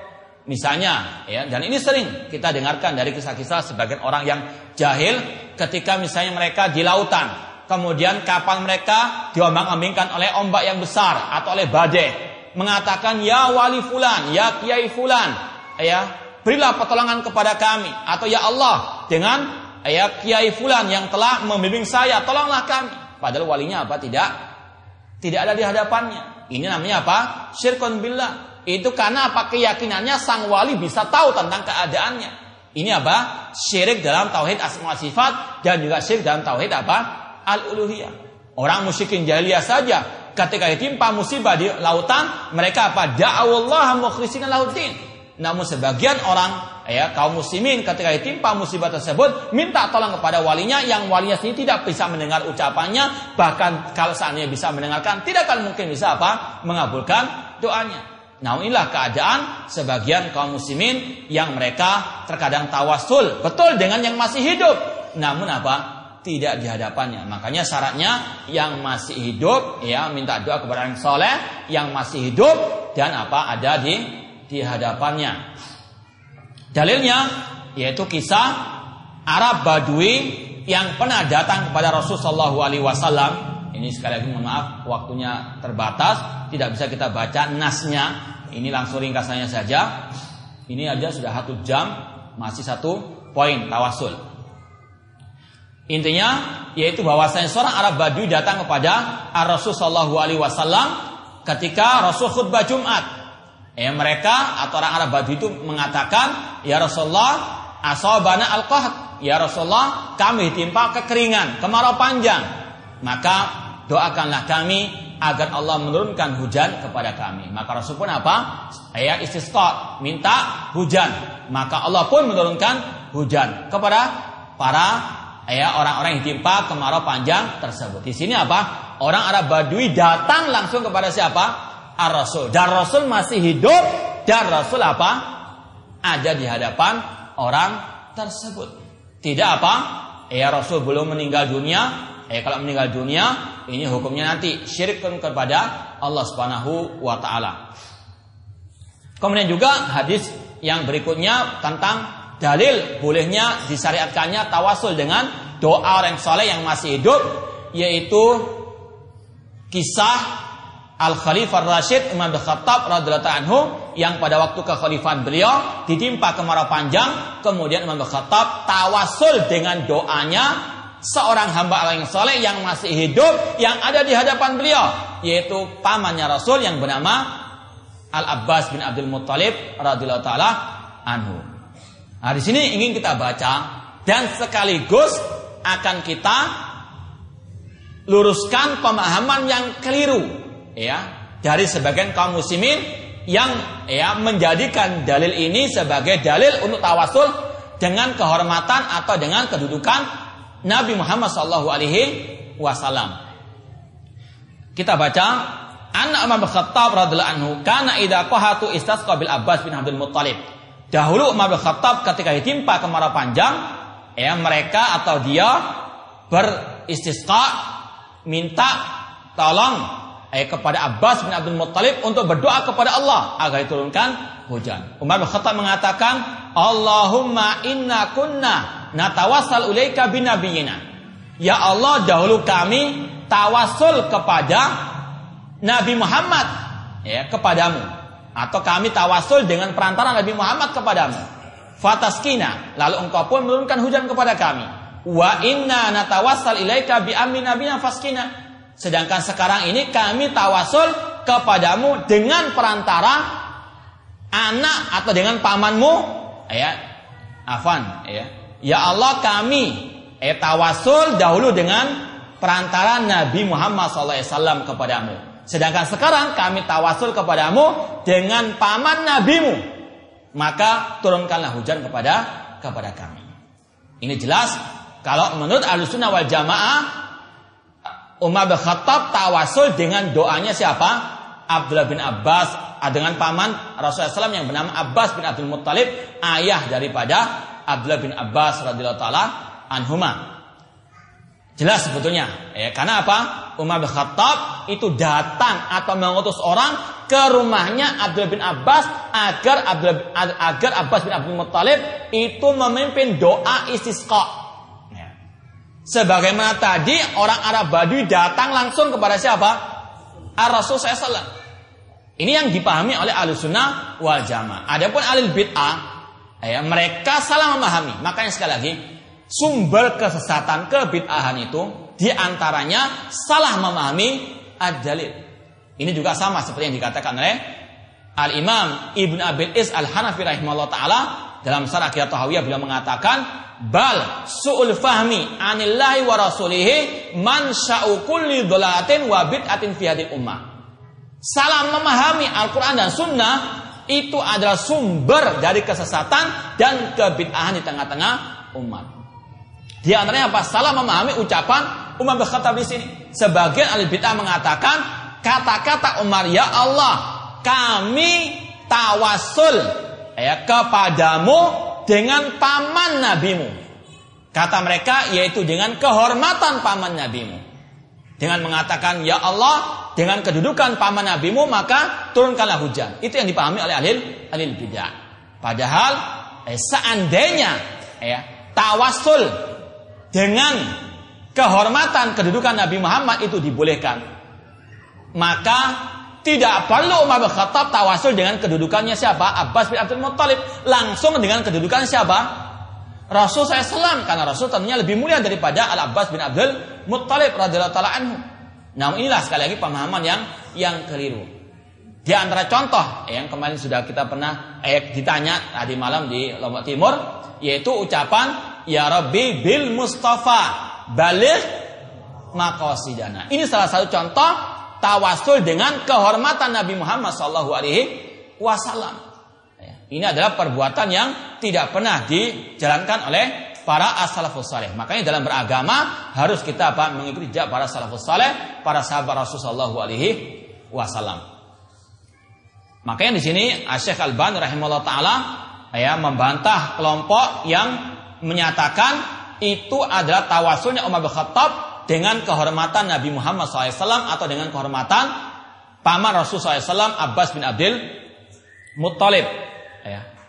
Padahal yang pertama tadi sudah disampaikan bahwasanya tawasulnya ya Umar bin Khattab tawasulnya sahabat dengan Rasul itu tawasul dengan apa? Doanya Rasul. Jelas tadi dalilnya Rasul doa istisqa, ya, minta hujan kepada Allah pada waktu khutbah Jumat. Kemudian kata Syekh Al-Bani rahimahullah taala bahwasanya kata-kata wasilah perantara di situ yaitu seperti dalam riwayat Umar bin Khattab mengutus seorang untuk mendatangi siapa? Al Abbas bin Abdul Muttalib.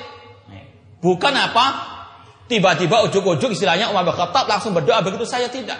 Namun mendatangi Al Abbas bin Abdul Muttalib. Itu menunjukkan beliau tawasulnya itu bukan dengan kehormatan Abbas namun dengan apa? Doanya Al Abbas bin Abdul Muttalib. Ya. Apalagi di dalam riwayat disebutkan tentang ya konteks doanya Al Abbas bin Abdul Muttalib. Ini sudah jelas menunjukkan Umar kata-katanya tadi itu bertawasul dengan doanya Al Abbas bin Abdul Muttalib. Karena apa? Ada riwayat yang soeha tentang ya konteks redaksinya doanya Al Abbas bin Abdul Muttalib. Yaitu doa apa? Allahumma innahu lam yanzil bala illa bidambin wa lam yukshaf illa bitaubah. Eh wa qad tawajjahal qom bi ilaika. Eh kalau saya terjemahkan ya Allah, sesungguhnya tidaklah turun bencana kecuali karena dosa dan tidak diangkat kecuali karena dengan taubat. Dan sungguh sebagian orang telah mendatangiku ya untuk aku apa? memohon kepadamu ya Allah. Wa qad tawajjal bi ilaika limakani min nabiyika karena aku adalah paman ya nabimu. Ini sekali lagi menunjukkan bahwasanya Umar bin itu tawasul kepada Al-Abbas dengan apa? Doanya Al-Abbas bin Abdul Muttalib radhiyallahu taala anhu. Ini sekali lagi makanya sekarang kita masuk kepada bentuk tawasul yang kedua yaitu tawasul yang bid'ah dan sudah kita jelaskan Tawasul yang bid'ah adalah tawasul dengan apa? Kehormatan Nabi. Kalau dalam masalah, ya misalnya orang mengatakan Allahumma bijahi nabiyika urzukna. Ya Allah, dengan kehormatan nabimu, berilah kami rezeki. Ini adalah tawasul yang al-bid'i. Karena apa? Tidak ada dalam riwayat yang soheha Rasul mengajarkan seperti itu. Tidak pernah ada riwayat dari para sahabat mereka mendoa berdoa tawasul kepada Allah dengan ya, kehormatan Nabi Shallallahu Alaihi Wasallam. Bahkan sebaiknya tadi, seandainya boleh tawasul dengan kehormatan Nabi Muhammad SAW, tidak perlu Umar bin Khattab pergi ke Al Abbas atau mengutus orang ke Abu bin Abi Thalib. Langsung saja beliau berdoa, Ya Allah, dengan kehormatan Nabimu, berilah kami hujan. Namun sekali lagi itu yang telah dipahami oleh para sahabat tawasul tidak dibolehkan kecuali tawasul dengan tiga tadi dengan nama Allah amal soleh doa orang yang soleh yang masih hidup yang ada di hadapannya bukan dengan kehormatan atau kedudukan seseorang seperti tadi contohnya yang banyak dipakai orang Rabbi bil Mustafa balik makosidana yang artinya ya Rabbku eh dengan kehormatan nabimu atau dengan nabimu maka eh berikanlah kabulkanlah semua keinginan keinginan kami. Ini tawasul dengan apa? Kehormatan nabi atau dengan ya zatnya an nabi SAW ini adalah bentuk tawasul yang albid kata para ulama. Kemudian yang ketiga sekarang masuk kepada ya tawasul yang syirik. Ya. Tawasul yang syirik yaitu sebetulnya bentuknya minta-minta kepada yang telah meninggal dunia. Contoh misalnya, wahai wali fulan, sampaikanlah doa kami kepada kepada Allah. Ini adalah apa? Tawasul yang asyirki. Dalilnya apa? Ya, sebagian mengatakan seperti ketika kita apa? datang ke presiden, nggak mungkin ujuk-ujuk langsung datang. Namun apa? Lewat ajudannya, protokolnya, ya. Mereka mengatakan kami ini orang yang banyak berbuat dosa, kami ini kotor. Maka tidak akan mungkin doa kami terima oleh Allah Subhanahu wa taala. Maka kami perlu apa? Perantara orang suci, para wali-wali yang yang meninggal dunia tersebut. Kata Pak ulama, ucapan ini banyak bentuk pelecehannya. Yang pertama pelecehan kepada para wali-wali tersebut. Seolah-olah apa? Para wali itu sebagai kurir. Ya. Untuk apa? Menyampaikan doa kepada Allah Subhanahu wa taala. Eh, sebagaimana tadi kata-kata wahai wali fulan sampaikanlah doa kami kepada Allah Subhanahu wa taala. Yang kedua, bentuk pelecehan kepada Allah Subhanahu wa taala. Karena apa? Allah disamakan dengan al makhluk dengan apa? Presiden atau dengan gubernur yang tidak akan mungkin kita bisa menyampaikan ucapan kita kecuali lewat apa ajudannya sedangkan Allah ya Allah mengatakan ud'uni astajib lakum berdoalah kepadaku langsung ya pasti aku akan apa kabulkan wa idza sa'alaka ibadi anni fa inni qarib ujibu da'wata da'ida idza da'a Allah mengatakan apabila hambaku bertanya kepada engkau Nabi Muhammad tentang diriku jawablah aku dekat aku mengabulkan doa orang yang berdoa kepadaku Kenapa kok kita apa suudon kepada Allah? Ya, seolah-olah apa? Orang itu mengatakan seperti tadi, ya Allah ini naudzubillah min dalik, ya, tidak akan menerima doa kalau kita apa? Ya, tidak suci, tidak ya, maksum dari dosa. Padahal Allah sendiri mengatakan Kul ya ibadiyalladzina asrafu ala anfusihim la taqnatu min rahmatillah. Wahai orang belum dengan dosa, Jangan putus asa dari rahmat Allah. Artinya apa? Harus husnudon kepada Allah meskipun kita banyak dosa, berdoa kepada Allah karena Allah perintahkan kita untuk berdoa langsung kepadanya. Udhuni astajib Tidak ada kata-kata di situ kalau engkau telah suci dari dosa, tidak ada. Kita minta ampunan karena apa? Kita banyak berbuat dosa, itu karena apa? Husnudonnya kita. Allah pasti mengampuni dosa kita karena itu adalah janji Allah Subhanahu wa taala. Eh, sebagaimana Allah juga mengatakan walladzina idza fa'alu fahishatan aw dhalamu anfusahum dzakarallahu wastaghfaru lidzunubihim dan orang yang berbuat kekejian dan mendolimi diri mereka mereka ingat kepada Allah dan istighfar mohon ampun kepada Allah ini adalah apa salah satu bentuk eh husnudzon kita kepada Allah Subhanahu wa taala. Doa langsung kepada Allah meskipun kita apa, apa banyak doa. Makanya harus yakin bahwa saya doa kita akan dikabulkan Allah Subhanahu wa taala. Ya, ini sebetulnya mau kita sampaikan tentang sebagian hadis-hadis yang digunakan oleh al-bid'ah untuk tawasul mereka yang sesat, yang salah. Namun karena keterbatasan waktu, ya kita singkat saja. Di antaranya hadis yang dikenal dengan hadis ad-dharir. Hadis orang yang yang buta. Kita baca hadisnya. Akhraj Ahmad wa ghairu bi sanadin sahih an Utsman bin Hanif anna rajulan dur anna rajulan dural basar atan Nabi sallallahu alaihi wasallam. Dari riwayat Imam Ahmad dalam musnadnya dari Utsman bin Hanif ada seseorang yang buta ya, datang kepada Rasulullah alaihi wasallam. Ini sebetulnya jelas gamblang sebetulnya dalil ini bahwasanya ini adalah dalil tentang bolehnya disyariatkannya tawasul dengan doa orang yang soleh yang masih hidup yang ada di hadapannya. Yaitu apa? Seseorang yang buta datang kepada Rasul, jelas datang kepada Rasul. Fakola, kemudian orang itu mengatakan, Udu Allah an yu'afiani. Ya Allah, atau Ya Rasulullah, berdoalah kepada Allah agar Allah menyembuhkan eh, kebutaanku. Qala in syi'ta da'utulaka. Kalau engkau mau aku akan berdoa kepada Allah untukmu. Wa in syi'ta akhartu dzak fa khairun. Namun jika engkau mau aku menunda doa tersebut. Artinya engkau bersabar dengan kebutaanmu tersebut dan itu lebih baik engkau bersabar. Orang tersebut mengatakan, "Uduh, tetap ya Rasulullah aku minta engkau berdoa." Fa amarahu an yatawadda. Kemudian Rasul memerintahkan orang buta tersebut berdoa berwudu. Fayah fayusin wudu'ahu dan memperbaiki wudunya. Fayusalli rakaatain dan salat dua rakaat. wa yad'u doa. Kemudian Rasul mengajarkan kepada orang itu doa. Apa doanya? Allahumma inni as'aluka wa ilaika binabika Muhammad Nabi Rahmah. Ya Allah sesungguhnya aku mohon kepadamu.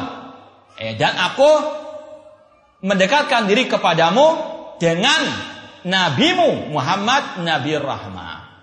Nah, alil bid'ah itu mengambil apa? Lafat ini untuk mengatakan loh ini dalil. Bolehnya tawasul dengan apa? Bil Mustafa tadi.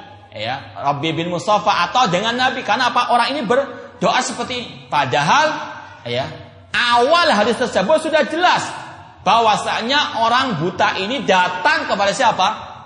Rasul sallallahu alaihi wasallam tidak ujuk-ujuk berdoa seperti ini. Namun apa? Datang kepada Rasul. Kemudian Rasul pun apa? mendoakan orang tersebut agar disembuhkan kebutaannya. Makanya, eh sungguh sesat kalau ada orang yang mengatakan dengan dalil ini bolehnya tawasul dengan Nabi Muhammad SAW atau dengan kehormatan Nabi Muhammad SAW. Orang ini datang kepada Rasul ketika Rasul masih hidup dan Rasul mendoakan orang tersebut dan mengajarkan juga tawasul dengan amal apa? Dengan amal soleh. Yaitu tadi disuruh wudhu, disuruh apa? Salat dua rakaat. Ini secara singkat kalau kita mendengarkan orang berdalil dengan hadis ini untuk bolehnya tawasul, jelas ya suruh apa mengulang hadis tersebut secara lengkap. Jangan diambil apa sepotong saja. Ya, memang itulah kata para ulama kebiasaannya alil bid'ah suka memotong-motong dalil untuk disesuaikan dengan hawa nafsu mereka. Makanya mereka ini diibaratkan seperti orang yang sholat ya atau seorang imam yang sholat kemudian membaca wailul lil musallin kemudian langsung ruku Benar atau enggak nih? Memotong ayat seperti itu. Berarti semuanya apa? Celaka. Fawailul lil musallin. Tidak diteruskan. Siapa yang ya, yang binasa tersebut dari orang yang salat alladzina hum an salatihim. Nah, itulah al bid'ah menyomot ayat atau hadis yang kelihatannya cocok dengan mereka meninggalkan kelengkapan daripada ayat ataupun hadis tersebut tujuannya untuk apa melegalkan kebid'ahan mereka. Kemudian secara ringkas ada hadis-hadis yang doif ya yang doifkan oleh para ulama di antaranya doa kata mereka ada hadis yang mengatakan Allahumma bihaqqis sa'ilina alik. Ya Allah kami mohon kepadamu dengan hak ya orang-orang yang memohon kepadamu. Ini juga dalilnya tidak tidak benar. Ada pula dalil yang ya pernah ya pada berapa tahun yang lalu kita sempat membantah sebuah majalah yang membolehkan tawasul kepada Nabi Muhammad SAW. Di antaranya membawakan riwayat Aisyah radhiallahu anha, yaitu ada orang datang kepada Aisyah mengeluhkan tentang kemarau. Kemudian apa? Kata Aisyah, datanglah ke kubur Nabi, bukalah apa? Atap kuburan Nabi Muhammad SAW. Ini semuanya adalah dalil-dalil yang tidak sahih. Ya, ada riwayatnya, namun tidak apa? as-sahih. Ini juga dulu pernah kita uh, bantah dan kita apa luruskan dan di dalam kitab ini juga disebutkan. Namun eh, karena keterbatasan waktu kita tidak bisa membacakan semuanya. Wallahu taala a'lam. Ini yang berkaitan dengan masalah at-tawassul. Iya. Kita sekarang masuk kepada poin yang kedua tentang masalah al-barakah at-tabarruk.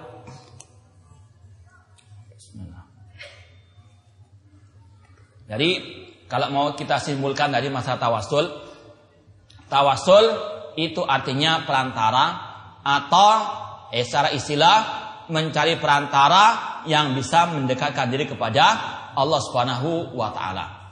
Yang kedua, ada dua ayat di dalam Al-Qur'an yang menyebutkan tentang kata-kata apa? Al-wasilah. Eh, surat Al-Maidah dan Al-Isra. Yang mana intinya tadi Wabtahu ilal wasilah, yabtahuna ilal wasilah, itu mencari perantara kepada Allah dengan amal-amal soleh yang wajib atau yang mustahab, yang itu harus berdasarkan Al-Quran dan Sunnah Rasulullah Alaihi Wasallam. Ya, kemudian kita jelaskan tadi yang ketiga pembahasan masalah bentuk-bentuk atau wasul. Ada yang disyariatkan, ada yang bid'ah dan ada yang apa? Yang syirik. Yang sun, yang disyariatkan ada tiga dengan nama Allah, dengan amal soleh, dengan doa orang soleh yang masih hidup yang ada di hadapan kita. Adapun yang bid'ah tadi contohnya ya tawasul dengan kehormatan Nabi Muhammad SAW atau kehormatan para wali. Yang ketiga tawasul dengan apa? ya orang yang telah meninggal dunia seperti tadi contohnya ya wali fulan sampaikan doa kami kepada Allah. Ini dikatakan syirik karena Allah berfirman dalam surat Az-Zumar ayat yang ketiga Walladina takhadu min duni awliya ma na'buduhum illa liqarribuna ilallahi zulfa. Dan orang yang menyeru selain Allah, mereka mengatakan kami tidak beribadah kepada wali-wali tersebut, namun merekalah yang akan mendekatkan kami kepada Allah dengan sedekat-dekatnya. Ya, mereka ini apa? Mengatakan tadi, ya wali fulan, sampaikan doa kami kepada Allah. Kami nggak menyembah wali itu. Kami hanya apa? Menjadikan mereka sebagai perantara. Namun Allah menfonis mereka telah menjadikan sekutu bagi Allah Subhanahu wa taala. Demikian pula dalam surat Yunus Allah mengatakan wa ya'buduna min dunillah ma la yanfa'um wa la yadurruhum wa yaquluna haula indallah. Dan orang yang menyeru kepada selain Allah yang mereka tidak bisa mendatangkan manfaat ataupun madarat, mereka mengatakan yang kami ya minta-minta itu hanyalah pemberi syafaat kami di sisi Allah di hari kiamat kelak. Namun Allah mengatakan mereka telah mengibadahi orang-orang tersebut. Ya makanya kalau ada orang mengatakan ya seperti yang dikatakan tadi dalam Al-Qur'an, ya kami tidak meminta kepada orang ini, kami hanya menjadikan perantara. Kita katakan Allah tetap menfonis Anda berbuat apa? Berbuat syirik. Ya meskipun sekali lagi masalah ya kita menfonis orang itu kafir atau tidak ini bukan urusan kita sekarang. Urusan kita adalah apa? Mengatakan ini perbuatan syirik, ini perbuatan yang bertentangan dengan akidah al-Islamiyah. Ya, kita pindah kepada poin yang kedua, masalah atabaruk.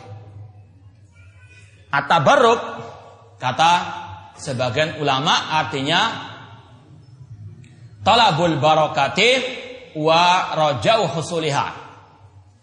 Talabul barokati meminta berkah dan mengharapkan keberkahan tersebut. Apa arti barokah itu sendiri? Ya, sekali lagi ada istilah atabaruk, ada istilah berkah.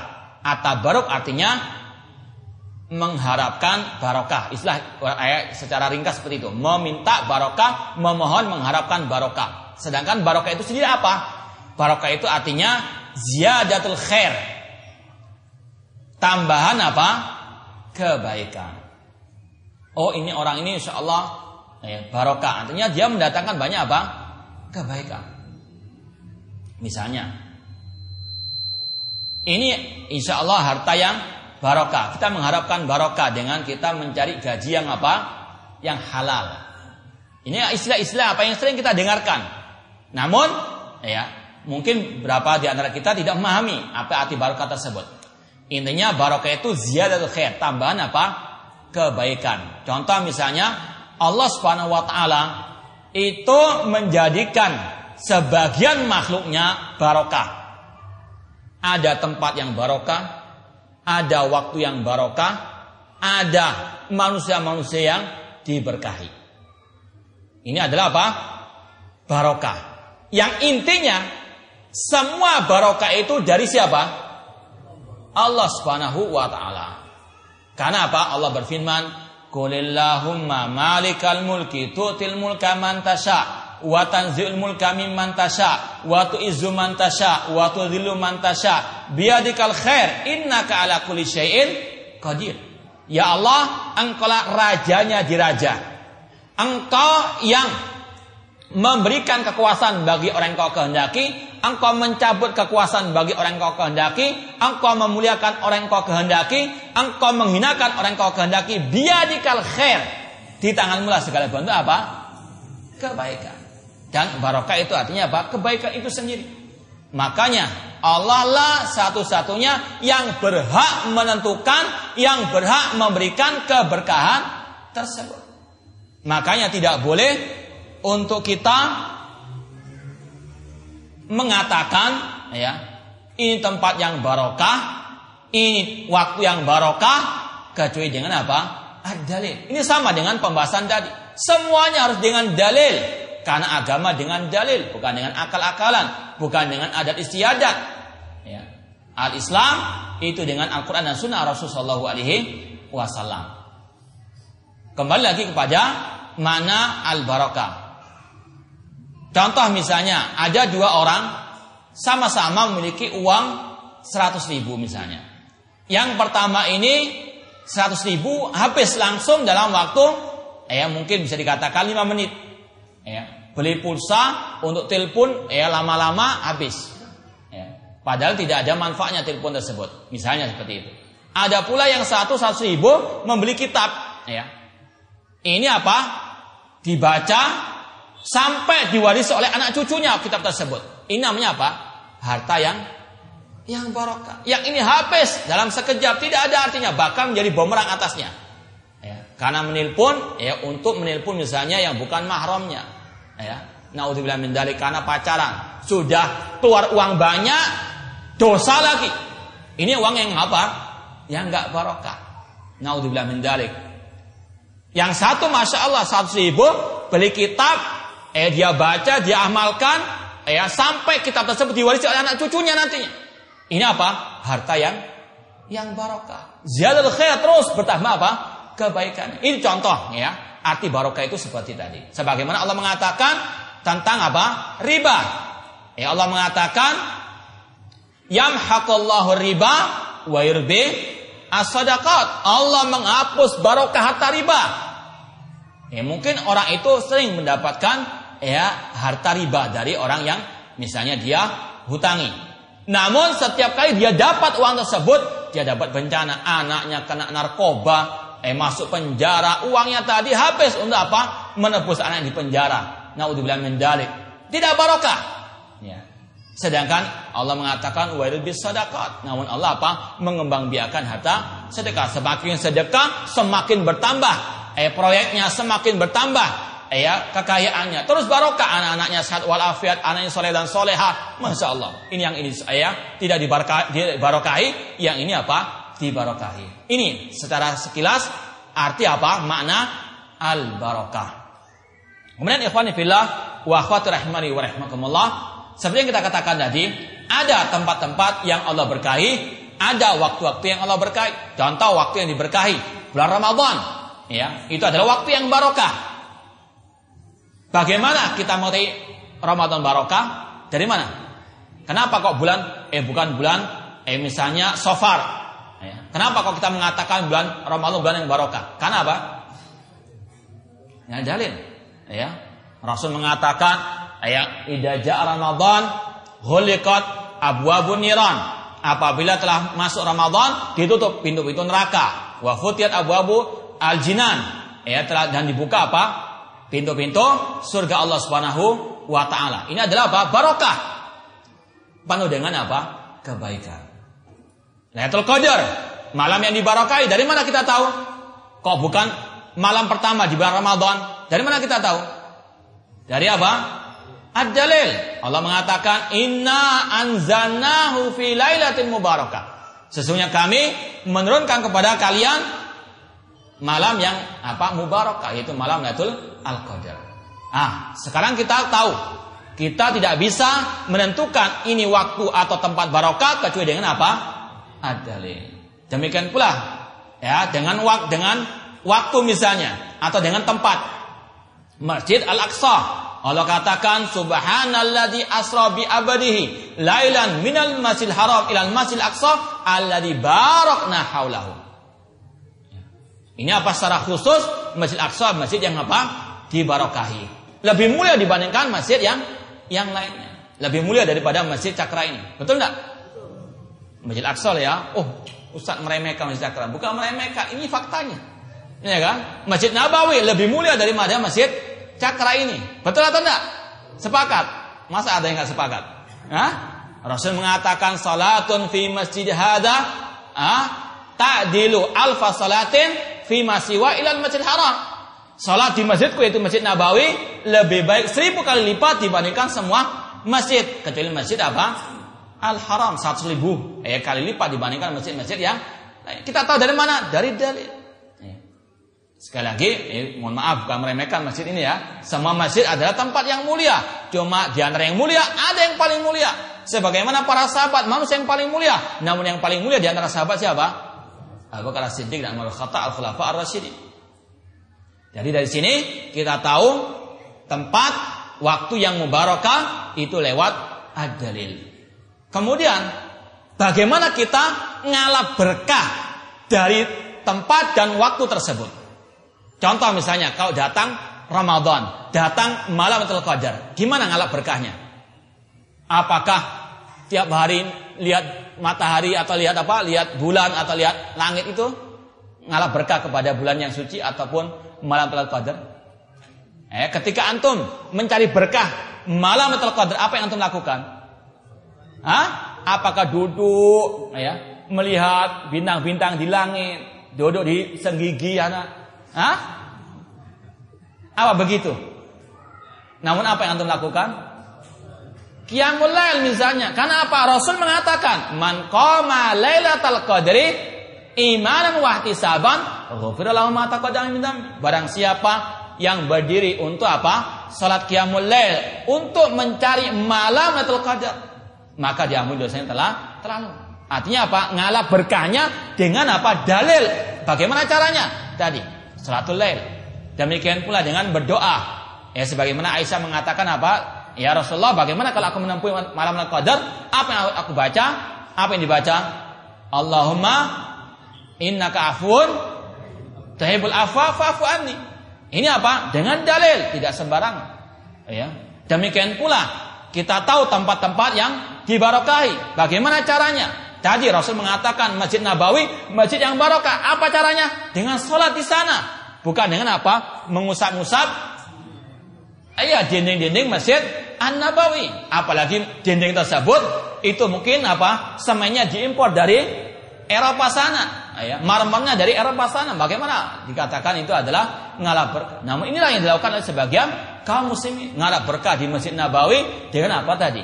Tidak dengan ibadah yang disyariatkan oleh Allah dan Rasul Shallallahu Alaihi Wasallam.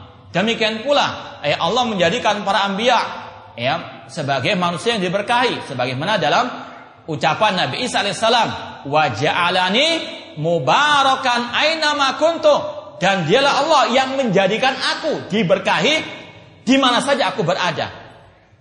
Ini adalah dalil juga bahwasanya semua barokah itu dengan atau di tangan Allah Subhanahu wa taala. Allah yang memiliki barokah. Maka tidak boleh kita minta barokah kepada apa? Selain Allah Subhanahu wa taala. Jangan mengatakan wahai fulan berkahilah aku. Nauzubillah min dari syirik kepada Allah Subhanahu wa taala. Ya. Barokah dari Allah Subhanahu wa taala, di tangan Allah, dimiliki Allah Subhanahu wa taala sebagaimana syafaat. Allah mengatakan kullillahi syafaatu jami'ah. Katakanlah sesungguhnya syafaat itu milik Allah. Jangan mengatakan ya nabi, ya wali, berilah aku syafaat. Ini adalah syirik kepada Allah SWT. Semua milik Allah. Rezeki itu di tangan siapa? Kalau kita mengatakan wahai fulan, berilah aku rezeki, syirik kepada Allah taala. Sama dengan apa? Berkah-berkah tersebut. Maka tidak boleh kita apa? Tidak boleh kita pertama ya minta barokah kecuali kepada Allah Subhanahu wa taala. Yang kedua, tidak boleh kita menentukan ini barokah atau tidak kecuali dengan apa? Ada Misalnya apa? Mengatakan doa di pinggir kuburan si fulan itu lebih barokah misalnya. Dari mana Anda tahu? Ya. Kenapa nggak mengatakan ya, berdoa di pinggir mall itu lebih barokah? Ya, kan sama saja, nggak ada dalilnya juga. Ya, kan? Kalau asal-asalan hancur umat umat Islam. Ya, makanya inilah salah satu apa kehancuran umat Islam. Mereka ditindas, mereka dijajah. Karena apa? Tidak mau kembali kepada agamanya. Tidak mau kembali kepada Al-Quran dan Sunnah. Hanya main apa? Akal-akalan saja. Asal perasaan saja yang bilang. Ya, makanya Rasul mengatakan. Idza tabayatum bil ina wa akhatum anabal bakar wa raditum bizara wa taqumul jihad sallallahu alaikum dullan la yanzi'u ankum hatta tarju ila dinikum. Allah akan menimpakan kehinaan atas kalian dan tidak akan Allah cabut sampai kalian kembali kepada apa? agama kalian. Kalau umat Islam agamanya seenak ya atau kalau orang Jawa bilang seenak udili dewe sekarapnya ya apa yang dia inginkan dilakukan tanpa melihat kepada dalil maka inilah yang kita alami umat Islam terus dijajah dan ditindas oleh orang-orang al-kufar maka solusinya hatta tarji'u ilah ilah dini. Dan masalah apa? Masalah ngalap berkah. Kita sampaikan sekarang di sini masalah ngalap berkah dengan Nabi Muhammad Sallallahu Alaihi Wasallam. Kata Pak ulama, eh dalam banyak kitab ini kita ringkas saja, ada kitab yang sangat bagus, At-Tabarruk Anwa'u Ahkamu yang dikarang oleh Syekh Abdullah Al-Judai ya, atau Syekh Nasir Syekh Nasir Al-Judai. Beliau mengatakan tawas uh, tabaruk dengan Nabi SAW itu ada dua macam. Ini kita ringkaskan dari buku tersebut. Yang pertama, ini yang pernah terjadi dulu ketika apa? Nabi Muhammad masih masih hidup. Yaitu tawa tabaruk dengan jasadnya Nabi Muhammad Sallallahu Alaihi. Eh kalau kita lihat dalam Sahih Muslim ini banyak riwayatnya. Sebagian sahabat tabaruk dengan ludahnya Rasulullah Shallallahu Alaihi Wasallam. Ada yang tabaruk dengan keringatnya Rasulullah Shallallahu Alaihi Wasallam. Bahkan pada waktu haji, Rasul ya ta, memberikan tabaruk kepada atau bukan memberikan tabaruk, menganjurkan manusia untuk tabaruk dengan rambut beliau. Ketika Rasul ya tahallul atau mencukur rambutnya, Rasul membagikan rambutnya kepada siapa? Para sahabat beliau. Ini kata para ulama, dahulu para sahabat tabaruk dengan jasanya Rasulullah SAW dan Rasul apa? Mengikrarkan bahkan tadi membagi-bagikan apa? Barokah rambutnya tersebut. Ini ketika Rasul apa? Masih masih hidup. Namun sepakat ulama harusnya mengatakan setelah Rasul meninggal dunia tidak ada lagi yang berhak ya ditabaruki sebagaimana Rasul SAW tadi. Buktinya apa? Setelah Rasul meninggal dunia tidak ada sahabat yang lain tabaruk kepada Abu Bakar As-Siddiq. Padahal beliau adalah wali Allah, orang yang paling soleh di antara semua manusia sepeninggal Rasul Shallallahu Alaihi Wasallam. Tidak ada yang tabaruk kepada Umar Khattab, tidak ada yang tabaruk kepada Sunan Affan, Talib bin Abi Talib, ya mereka tabaruknya hanya kepada siapa? Ar-Rasul sallallahu alaihi wasallam. Ingin kita bacakan di sini ucapan sebagian ulama atau Syekh Saleh Al-Syekh khususnya dalam kitab beliau Hadihi Mafahimuna tentang masalah tabaruk dengan jasanya Ar-Rasul sallallahu alaihi wasallam yang itu telah berakhir dengan meninggalnya Ar-Rasul sallallahu alaihi wasallam.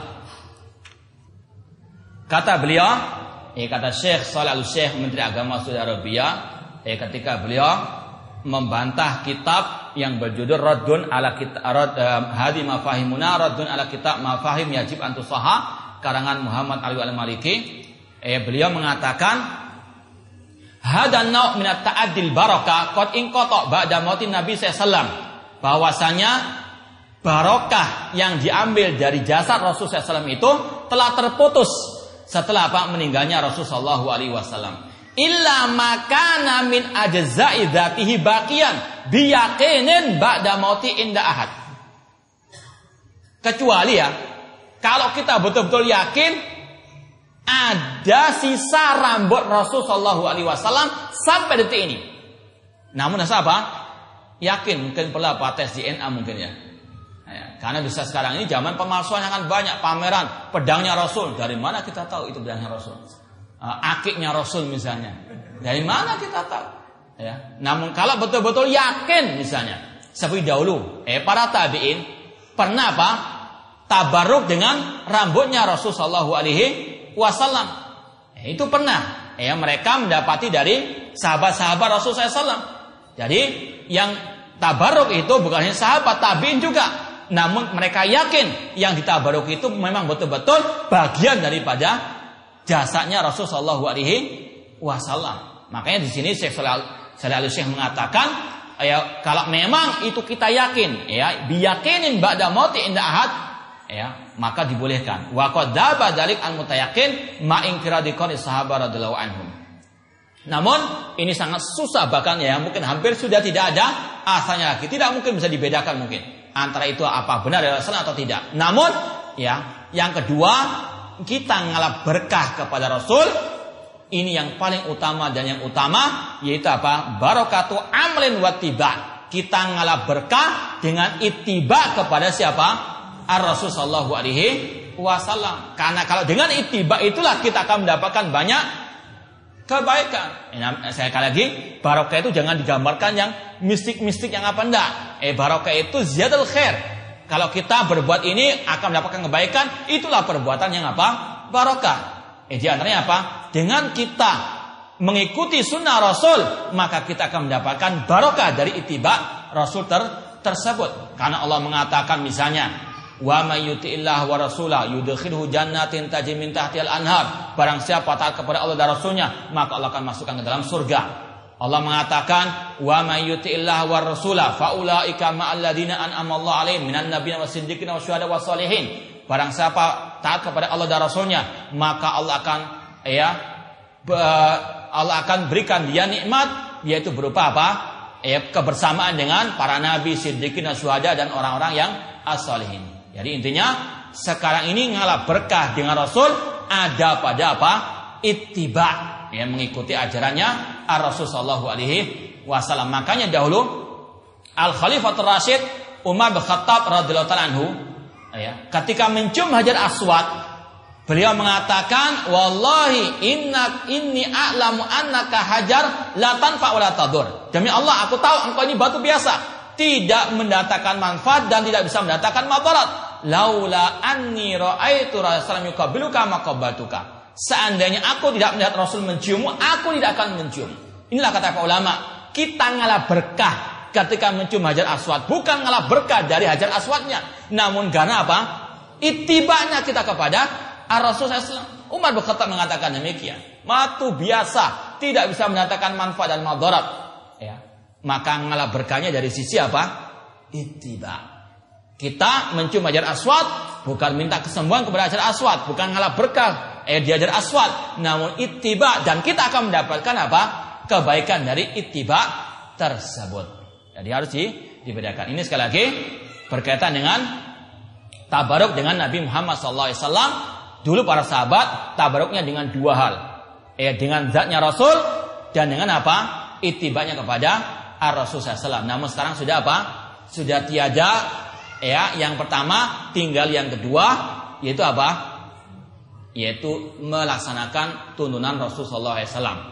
Meskipun demikian, sebagaimana kata saya soal saya, kalau seandainya ya betul-betul kita yakin dan tahu betul, ya apalagi zaman sekarang ini udah min dalik, pemalsuan, ya jangankan ya jasanya Rasul atau rambutnya Rasul atau pedangnya Rasul misalnya, ya punyanya artis saya banyak apa?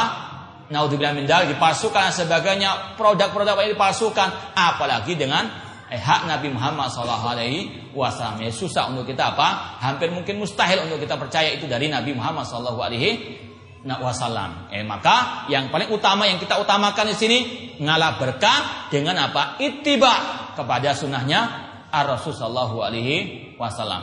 Kemudian mungkin ada pertanyaan bagaimana ya ngalah berkah dengan asar tempat-tempat yang pernah dilewati oleh Rasul Sallallahu Alaihi Wasallam.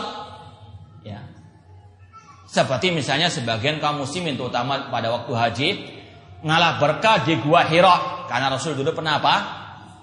Ya bahkan yang kita lihat banyak mereka apa? Sholat di atas ya gua Hira tersebut. Sudah tempatnya tinggi sempit naudzubillah min sholat di atas sana. Kalau mati naudzubillah min dalik ya demikian pula di ya gua Saud demikian pula tempat-tempat yang lainnya atau tempat kata mereka kelahiran Rasul SAW ya maka apa jawabannya? Diriwayatkan dalam ya riwayat yang sahih pernah suatu saat Al Khalifatul Rasyid Umar bin Khattab radhiyallahu anhu itu berjalan bersama sebagian para sahabat, sahabat beliau. Kemudian tiba-tiba mereka bergegas lari ke sebuah tempat. Ketika Umar bin bertanya, "Mengapa mereka bergegas menuju tempat tersebut?" Kata orang tersebut, "Mereka tahu itu adalah tempat yang dulunya Rasul sholat di sana." Maka apa kata bin Khattab? Karena inilah halakaman kana qoblakum. Karena perbuatan inilah yaitu ngalah berkah di tempat-tempat seperti itulah ya umat-umat sebelum kalian itu akan dibinasakan atau dibinasakan. Sekali lagi tidak pernah ya para sahabat itu ngalah berkah dengan apa? Eh tadi tempat-tempat bekas ya pijakannya Rasulullah Shallallahu Alaihi Wasallam.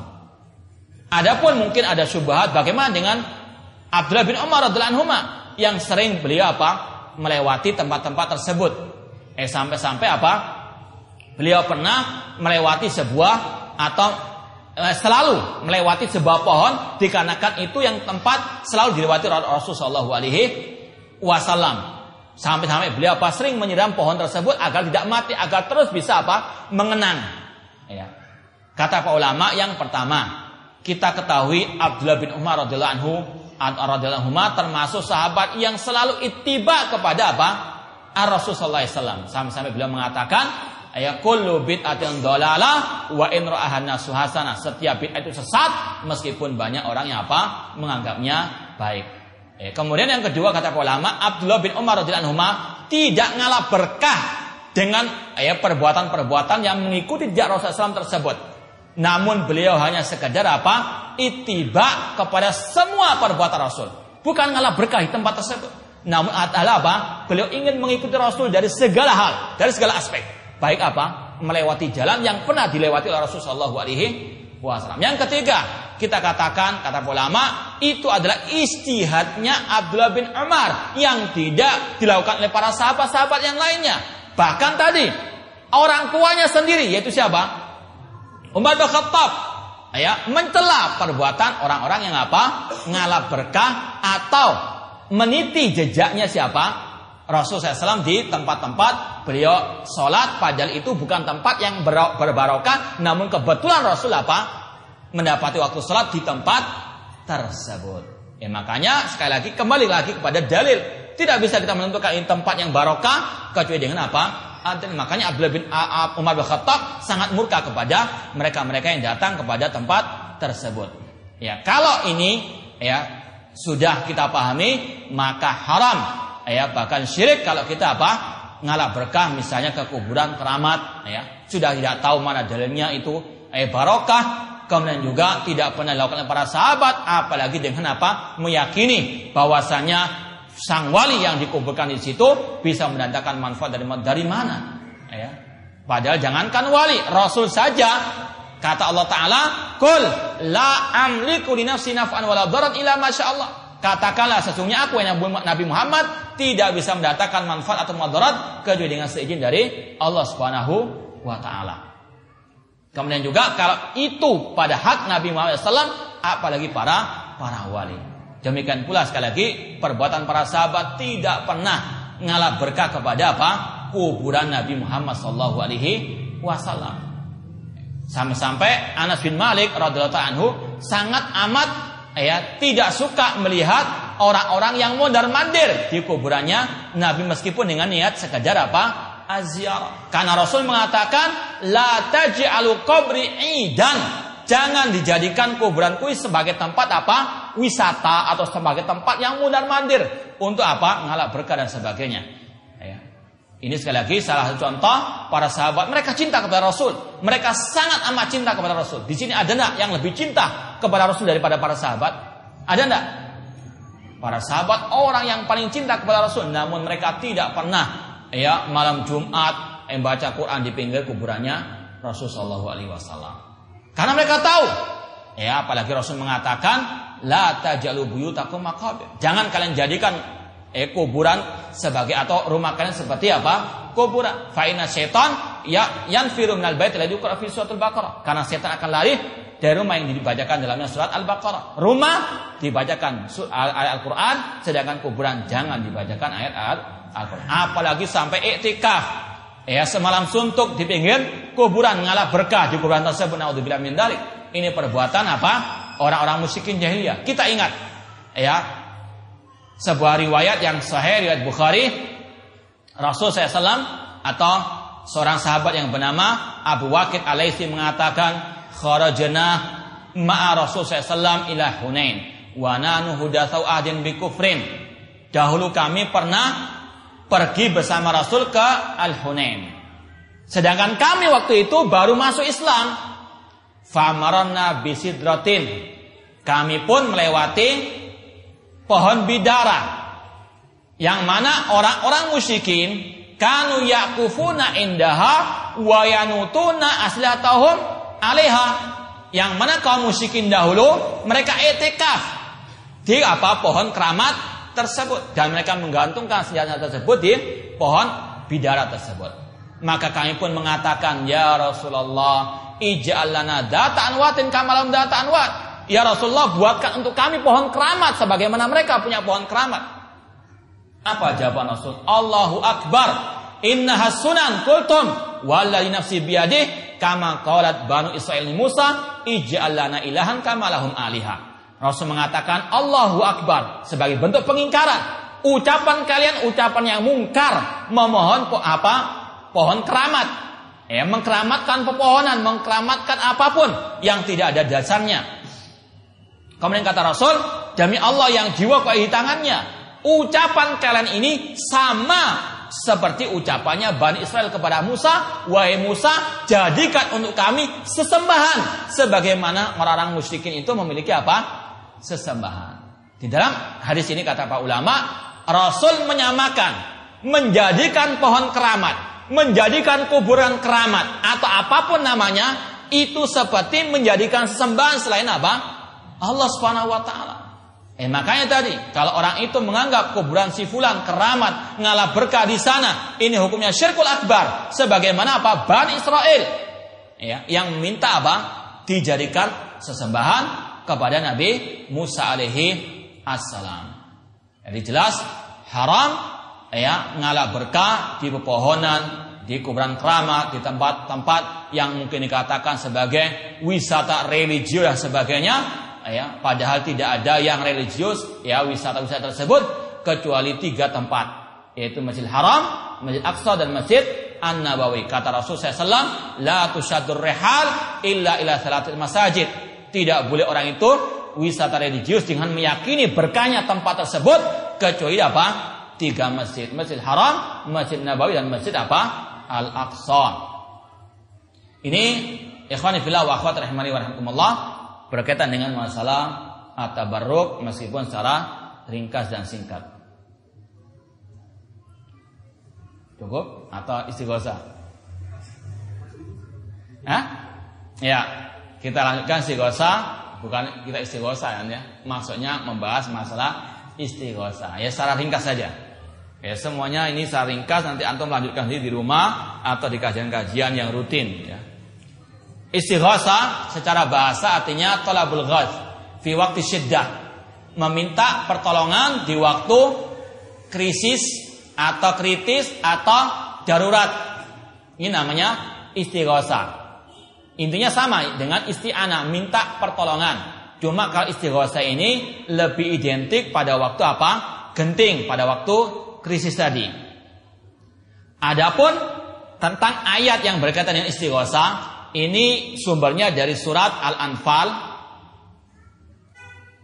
Jadi istighosa secara bahasa artinya tolabul ghath, meminta pertolongan namun di waktu apa?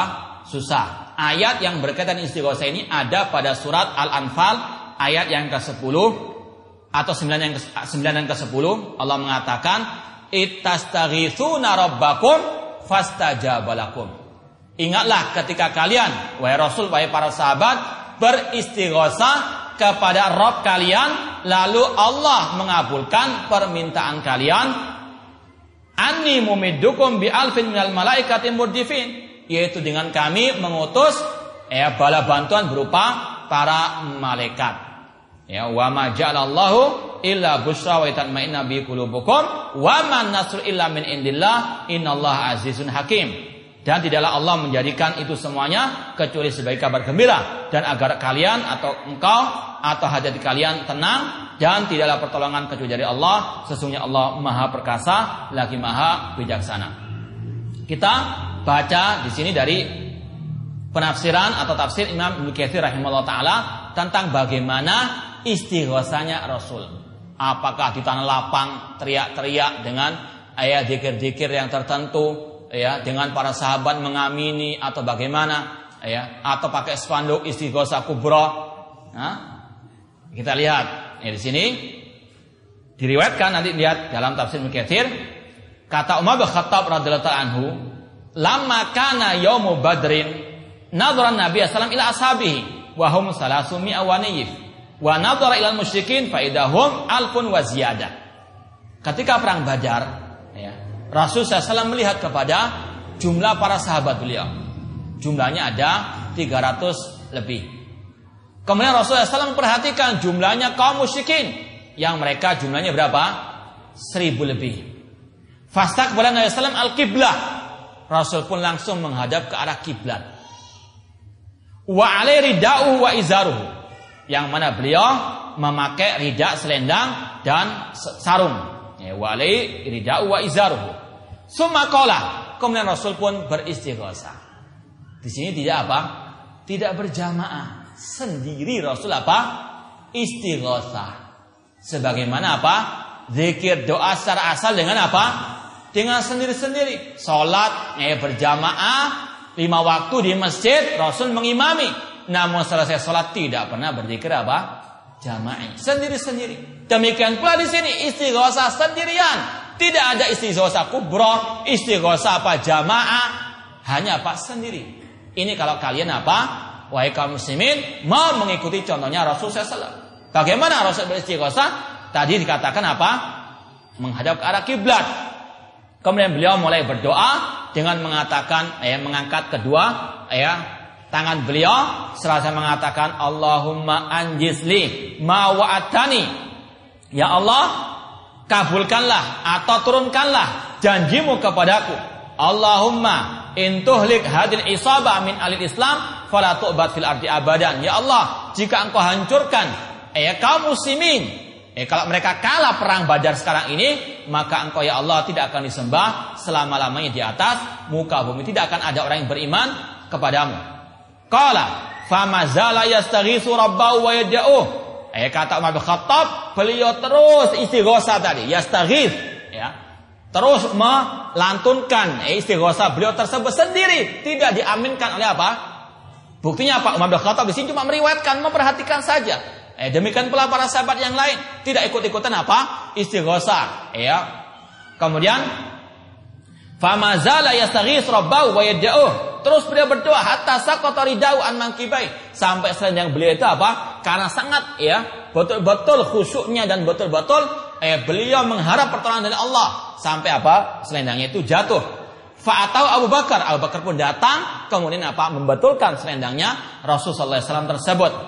Ya, kemudian Abu Bakar mengatakan, "Ya Nabi Allah, kafak cukup ya Rasulullah." Eh karena apa? Beliau melihat bagaimana Rasul sangat amat khawatir dengan keadaan para sahabat. Cuma yang sedikit dibandingkan kaum musyrikin. Jadi ya khawatir para sahabat akan habis. Eh beliau pun serius berdoa kepada Allah sendiri berdoanya. Buktinya apa? Abu Bakar Umar bin tidak ikut apa? Ya beristighosa di belakang beliau. Itulah sekali lagi yang pertama istighosa minta tolong. Dan Allah mengatakan dan itu yang sering kita proklamirkan iya karena berdua iya karena sa'id minta tolong hanya kepada Allah. Demikian pula di sini Rasul ya dikatakan ittastaghfiru rabbakum. Rasul beristighosa kepada siapa? Allah Subhanahu wa taala. Maka syirik kalau ada orang apa beristighosa kepada Nabi Muhammad, Nabi Muhammad saja istighosa kepada siapa? Allah. Kok ada orang beristighosa kepada Ar-Rasul ini syirik kepada Allah Subhanahu wa taala. Kemudian cara istighosanya tidak berjamaah. Ya, sendiri-sendiri sebagaimana zikir selesai sholat, sebagaimana doa, ayat dengan apa? Sendiri sendiri. Maka di antara kesalahan sebagian kaum muslimin ketika mengadakan istighosa kubra, ya ada embel-embel apa, bacaan-bacaan itu ritual yang tidak ada syariatnya. Kemudian juga yang lebih parah lagi kalau beristighosa kepada selain Allah, ya Abdul Qadir Jelani, Aghisni misalnya. Ya, ini adalah apa? Syirik akbar. Naudzubillah min dalik. Meskipun orang perorangannya tidak bisa kita langsung vonis apa? Kafir ataupun syirik ataupun murtad. Ya ini secara ringkas tentang apa?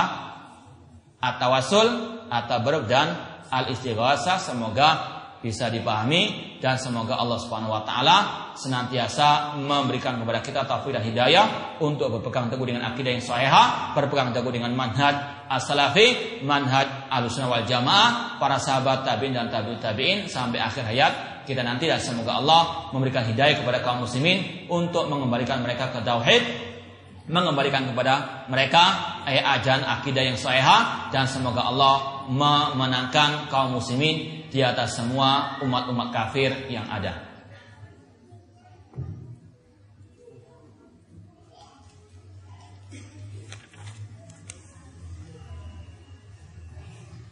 Ada pertanyaan, apakah benar Asmaul Husna hanya 99? Tidak benar. Kalau membatasi nama Allah 99. Karena apa? Karena Rasul SAW ketika berdoa mengatakan di antaranya Allahumma inni as'aluka bi kulli ismin huwalak sammaita bi nafsak au anzalta fi kitabik au alam al khalqik au ista'sata bi fi ilmil ghaibi indak. Yang terakhir kata Rasul, Ya Allah, aku minta kepadamu dengan nama yang engkau simpan dalam ilmu gaibmu. Ada enggak yang tahu ilmu gaib Allah? Ada. Ada yang angkat tangan? Tidak ada yang tahu yang gaib kecuali apa? Allah Subhanahu wa taala. Di situlah kata ulama berarti ada nama-nama yang Allah simpan dalam ilmu gaibnya yang kita tidak mengetahuinya. Berarti nama Allah lebih dari 99. Bahkan kalau kita renungkan dari ucapan para ulama, istihad para ulama yang mengumpulkan 99 nama, bahkan dalam Al-Quran dan Sunnah itu lebih dari 99 nama. Namun yang 99 nama ini hanya Allah sediakan bagi yang mau surga dengan apa? Tadi. Ya, mungkin menghafalkannya, melafatkannya, memahami maknanya dan mengamalkan apa? konsekuensi konsekuensinya. Contohnya kata para ulama dengan ungkapan yang lain, misalnya mengatakan saya punya 100 ribu rupiah untuk saya sedekahkan. Ucapan seperti ini tidak menafikan kalau saya punya apa? ya miliaran untuk saya buat apa modal usaha misalnya. Ini ungkapan sama. Allah punya 99 nama yang barang siapa ahsoha menghitungnya, mengamalkannya, memahami maknanya maka dia masuk surga. Sama ungkapan yang ini. Berarti itu bukan apa pembatasan nama Allah 99 nama. Ada pertanyaan, saya ingin memperteguh hati dengan kenyataan dengan pernyataan bahwa jenazah sunnahnya tidak disedekapkan. Atau dalilnya yang syar'i karena umumnya masyarakat kita 95% lebih jenazah lebih jenazah disedekapkan jazakallahu khairan. Ya, secara umum kita katakan dalam masalah pengurusan jenazah eh, memberikan pakaian ya bagaimananya ini sesuai dengan harus sesuai dengan tuntunan Rasulullah Shallallahu alaihi wasallam. Ya, tidak boleh kita melazimkan mensyariatkan kecuali kalau ada apa? dasarnya. Entah dengan menyedekapkan atau dengan harus melepaskan talinya. Ini semuanya tidak bisa kita lazimkan kecuali dengan ad-dalil. Wallahu a'lam. Bagaimana dengan ngalap berkah dari air zam-zam? Ya kita katakan air zam-zam sebagaimana kata Rasulullah SAW ma'u zam-zam lima suribalah. Air zam-zam itu sesuai dengan niat orang yang apa? meminumnya. Dan para sahabat dahulu ada sebagian mereka yang berhari-hari makan dan minum dari air zam-zam. Bukan makan nasi, namun makan apa? Dan mereka kenyang. Karena apa? Air zam-zam dibarokai. Tok, tok mutakmin. Ya, ta'amu ta'min. Bahwasanya air zam-zam itu adalah makanan juga. Itu jangan apa? Ngalah berkah dari zam-zam menjadikannya apa? Minuman dan makanan yang bisa apa? mengenyangkan. Dan sebagian ulama menyatakan di antaranya apa? Ketika kita meminum air zam tersebut kita berdoa eh kepada Allah semoga air, air tersebut menjadikan kita sehat dan sebagainya. Mintanya kepada siapa? Allah Subhanahu wa taala. Wallahu alam. Benarkah ada sahabat yang tabaruk dengan darah Nabi SAW? Iya. Ini adalah suatu yang sudah diikrarkan oleh Nabi SAW. Semua ayat jasa Nabi SAW itu adalah barokah dan Rasul pun sekali lagi mengikrarkan yang itu menunjukkan akan kebolehannya. Cuma sekarang sudah terputus ya kecuali tadi dengan syarat tadi memang betul-betul yakin itu dari anggota tubuh Rasul SAW. Namun ini sangat amat hampir sibur mustahil. Eh, yang kedua apa? Dengan ittiba dan ini yang paling utama untuk kita laksanakan dan untuk kita sebarkan. Bagaimana mensikapi ritual-ritual adat larung sesaji bersih desa dan lain-lain dengan nama kearifan lokal sedangkan itu didukung oleh pemerintah dan dijadikan event-event nasional. Ya kita katakan yang pertama la ta'ata li makhlukin fi ma'siyatil khaliq. Tidak ada ketaatan kepada makhluk dalam maksiat apa? Al khaliq. Kita harus tahu hakikat daripada acara-acara tersebut. Kalau bersih desa, ini cuma nyapu-nyapu apa, tidak ada masalah. Yang penting bersih.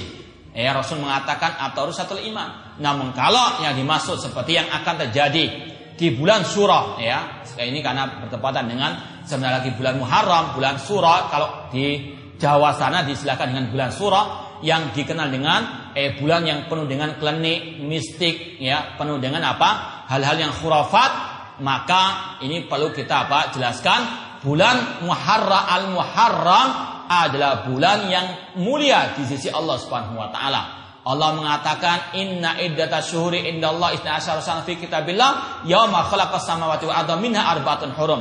Sesungguhnya bilangan bulan Hijriah di sisi Allah ada 12 bulan. Sejak Allah ciptakan langit dan bumi, di antara 12 bulan tersebut ada 4 bulan yang hurum yang Allah muliakan, yaitu Dzulqa'dah, Dzulhijjah, Al-Muharram dan bulan Rajab yang mana Rasul mengatakan bahwasanya afdalus siyami ba'da Ramadan siyamu syahrillahi al-muharram. Puasa yang paling mulia, yang paling afdal setelah puasa Ramadan, puasa di bulan apa? Al-Muharram, yaitu tanggal 9 dan 10 Al-Muharram. Ini adalah sekali lagi yang menunjukkan tentang keutamaan bulan Al-Muharram. Namun sangat disayangkan sebagian kaum muslimin, terutama di tanah Jawa sana, itu menganggap bulan Muharram bulan yang penuh dengan kesialan. Naudzubillah min dalik. Maka jarang ya, orang berani mengadakan walimah atau acara-acara keluarga di bulan Al-Muharram atau bulan surat tersebut. Karena mereka meyakini kalau mengadakan walimah di bulan surah bulan Muharram, kata mereka apa? Akan sial, akan mendatangkan apa? Bala. Ini adalah keyakinan khurafat keyakinan yang syirik. Rasul mengatakan bahwasanya la adwa wala tiara wala hama wala wala safar. Tidak ada penyakit yang menular dengan sendirinya. Tidak ada atiara, sesuatu yang mendatangkan kesialan. Tidak ada nomor 13 yang mendatangkan kesialan. Yang sial itu orangnya yang berbuat syirik, yang berbuat bid'ah, berbuat maksiat itu yang mendatangkan kesialan. Ma'asabakum min musibatin fa kasabat aidikum. Nomor gak ikut apa-apa. Naudzubillah min dalik. Ya. Demikian pula rumah tusuk sate. Tidak ada sial dalam Islam. Ya. Apalagi ya kalau di sini.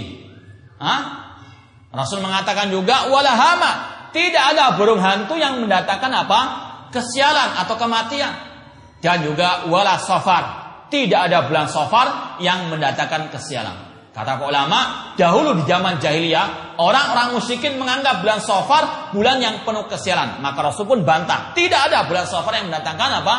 Kesialan. Nah, sekarang ini sangat disayangkan sebagian kaum muslimin menganggap bulan Al-Muharram yang mereka namakan dengan bulan surah penuh dengan kesialan. Naudzubillah min dalik. Ini bentuk penghinaan kepada Allah, bentuk penghinaan kepada ya Rasul sallallahu alaihi wasallam.